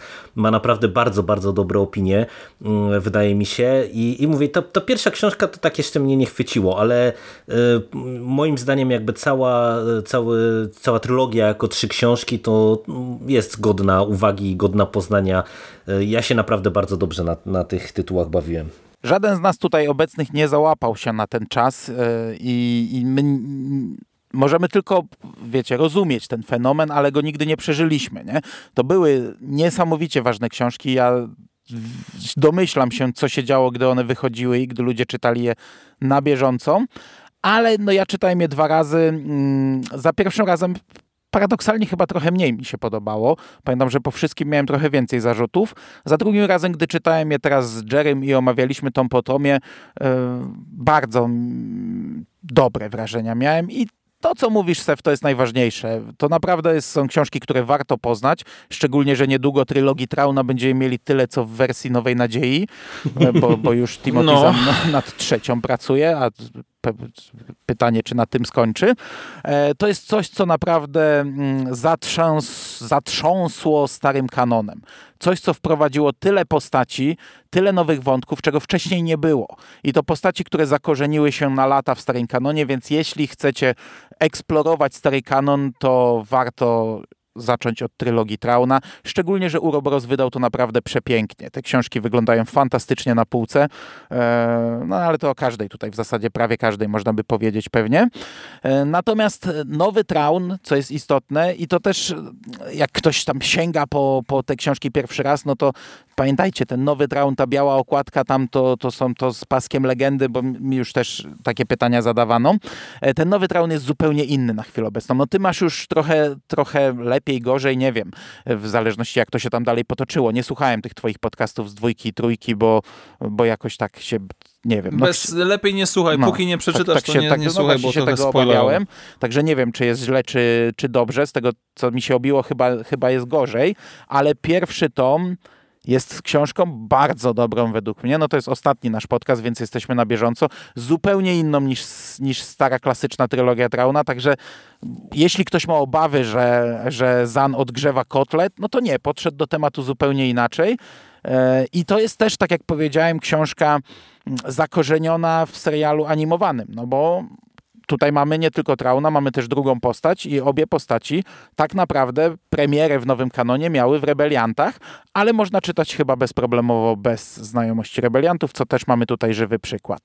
Tak, tak. No ja potwierdzam i też się zgadzam z tym, że to jest dobra książka. Y, ja trochę y, ze swojej strony pamiętam y, przy lekturze miałem lekki problem właśnie z wątkiem późniejszej pani gubernator, bo tak trochę wydaje mi się, że jest e, przynajmniej w, pe w pewnym momencie książki równowaga trochę zachwiana na jej korzyść, e, co nie do końca jest uzasadnione moim zdaniem, żeby ona dostała aż tyle czasu antenowego, ale całościowo to jest naprawdę bardzo dobra książka. Jest dobrze rozpisana, dobrze buduje postaci, mm, dobrze buduje poszczególne wątki i tak naprawdę też to, co mi, do mnie trafia bardzo, to jest to, że właśnie Zan tutaj ponownie sięga po no, takie nieoczywiste tematy e, i nieoczywiste motywy, gdzie znowu e, no to wszystko w zasadzie, co mówiliśmy przy różnych tytułach, to co ty Sef wspominałaś o, o tej eksploatacji e, planet przez Imperium, no to tutaj to jest przecież bardzo ważny wątek. Mamy sporo polityki i takich różnych zakulisowych gierek, co też jest bardzo istotnym wątkiem. Mamy Imperium zaprezentowane też zupełnie inaczej niż tak standardowo, no bo nagle się okazuje, że tak naprawdę naprawdę no, cała, cała ta służba imperialna to, to nie jest tak, że to są tylko, nie wiem, jacyś tacy skończeni źli, tylko że to są też bardzo często no, zwykli żołnierze, którzy wykonują rozkazy i, i tak jak w każdej armii są mądrzejsi i, i, i głupsi, nie zawsze ci mądrzejsi są na odpowiednich stanowiskach i tak dalej, i tak dalej. To jest naprawdę bardzo dużo ciekawych e, motywów i dobrze poprowadzonych, co, co, co też jest ważne, no bo tutaj też o niektórych tytułach mówiliśmy, że nieraz pojawiają się ciekawe pomysły, a nie do końca to jest dobrze później egzekwowane. Znaczy, ja ze swojej strony trzy razy tak, bo, bo jak najbardziej to też jest jedna z lepszych książek. Po pierwsze, to co mi przeszkadzało zazwyczaj w starej trylogii Trauna, Traun nie jest przesadzony. On, on tutaj jest inteligentny, bystry i to jest uzasadnione. On nie jest po prostu rewelacyjny, bo autor tak chciał, tylko widzimy dlaczego. Ale tak jak właśnie Jerry mówisz, e, ukazanie... Znaczy, po pierwsze, to nie jest... Y, ostrzeżenie, to nie jest książka szybka. Mhm, tak, tam, tak. tam, nie są jakieś wybuchy, mhm. akcji mhm. i tak dalej. To jest głównie zagrywki polityczne, zakulisowe rozgrywki w armii, w polityce, na lokalnych szczeblach władzy, ale to świetnie tutaj wyszło e, autorowi, bo ukazanie tego trochę rasizmu względem Trauna, który trafia do Akademii Imperialnej, to wszystko, jak my się dowiadujemy, jak to funkcjonuje, jest absolutnie rewelacyjne. Ukazanie tego Imperium właśnie jako, no nie po prostu samych złoli, tylko ludzi, którzy starają się przeżyć, czasami próbują nawet zrobić coś dobrego. Świetne, naprawdę rewelacyjna książka, świetny origin story, rozbudowanie bohatera, e, podsumowanie, ale też, no po raz kolejny to mówię, nawet jakby nazwijmy to finałowa bitwa, czy jakby podsumowanie, kulminacja tego wszystkiego nie jest bardzo spektakularna. To nie jest jakieś tam opisy bitew na 20-30 stron. To jest lektura, no jakkolwiek to zabrzmi, może nie, nie chcę nikogo tutaj obrazić, wymagająca myślenia, bo jakby cała potęga Trauna polega na myśleniu i tutaj musimy to obserwować na bieżąco, ale jeżeli komuś, kogoś to nie odstrasza, bardzo, bardzo serdecznie polecam, bo, bo to jest naprawdę kawał dobrej książki gwiezdnowojennej. No ale to cała ta książka tak jest napisana, to jest bardzo charakterystyczne, co trzeba wziąć pod uwagę sięgając po nią.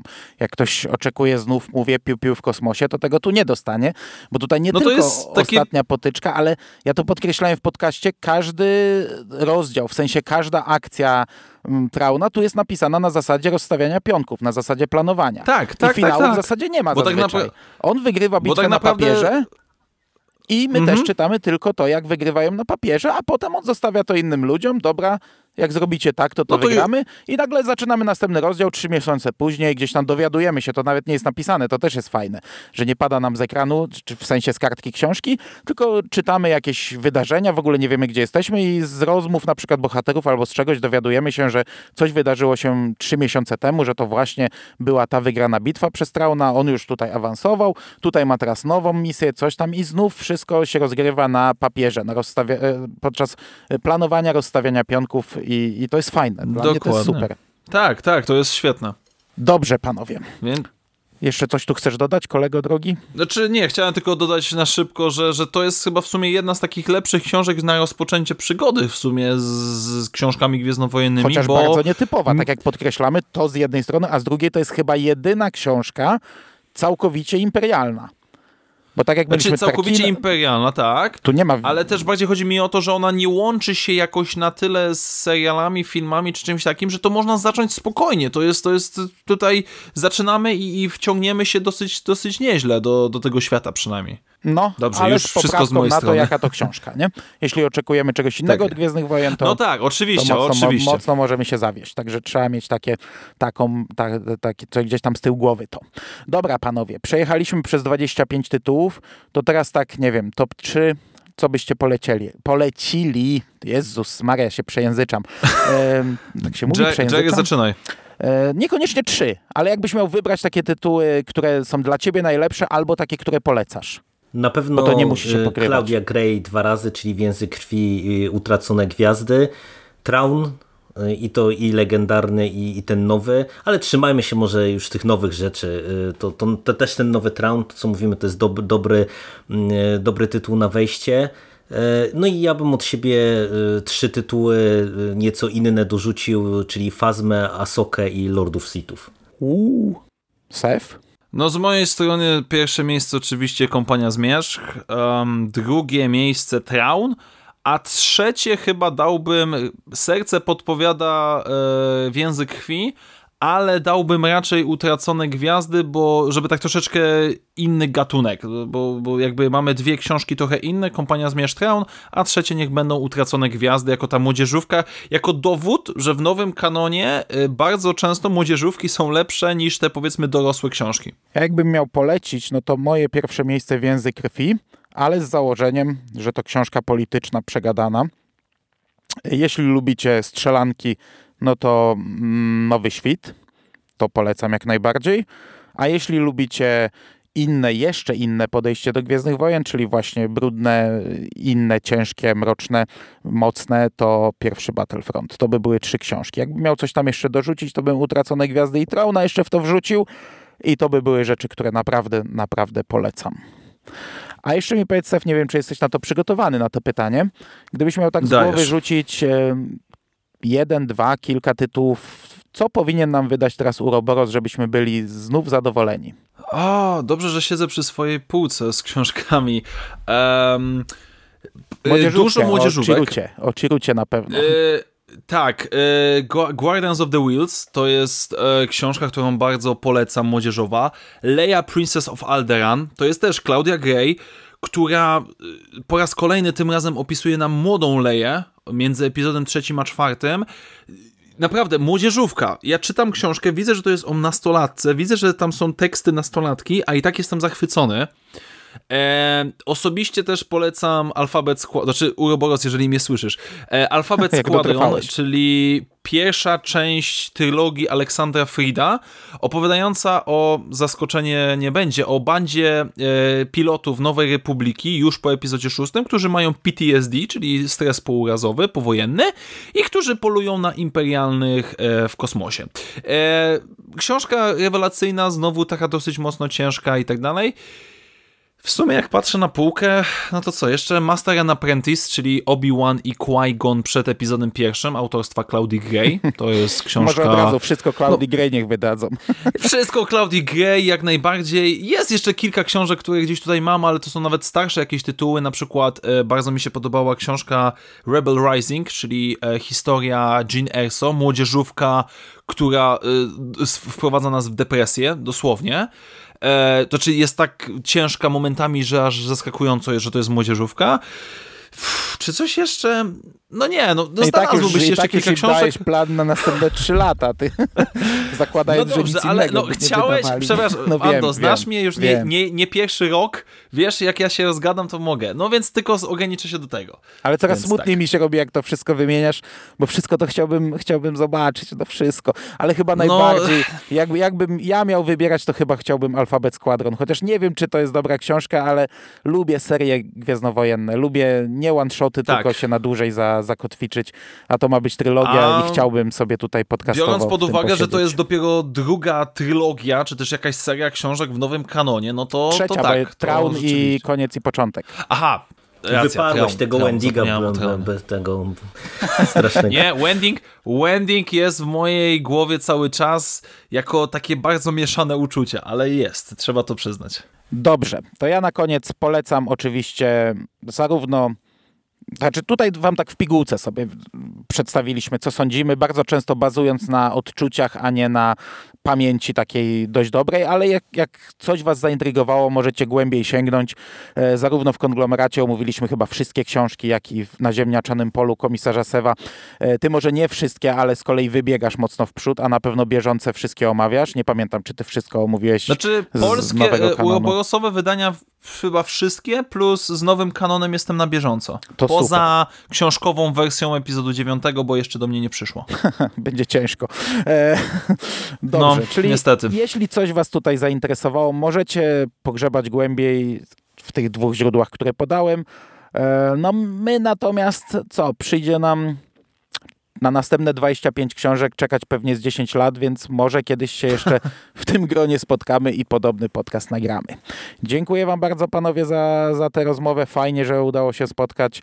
Fajnie, że udało Ja się dziękuję pogadać. bardzo serdecznie za zaproszenie. No dzięki panowie, fajnie się rozmawiało. A wy, Dobra. kochani, macie jeszcze kilka dni na kupienie książek, jeśli was coś zainteresowało, a tymczasem trzymajcie się ciepło, myjcie ręce, siedźcie w domu, dbajcie o siebie, dbajcie o bliskich i czytajcie Gwiezdne Wojny. Dziękuję, do usłyszenia. Cześć. Cześć. Na razie.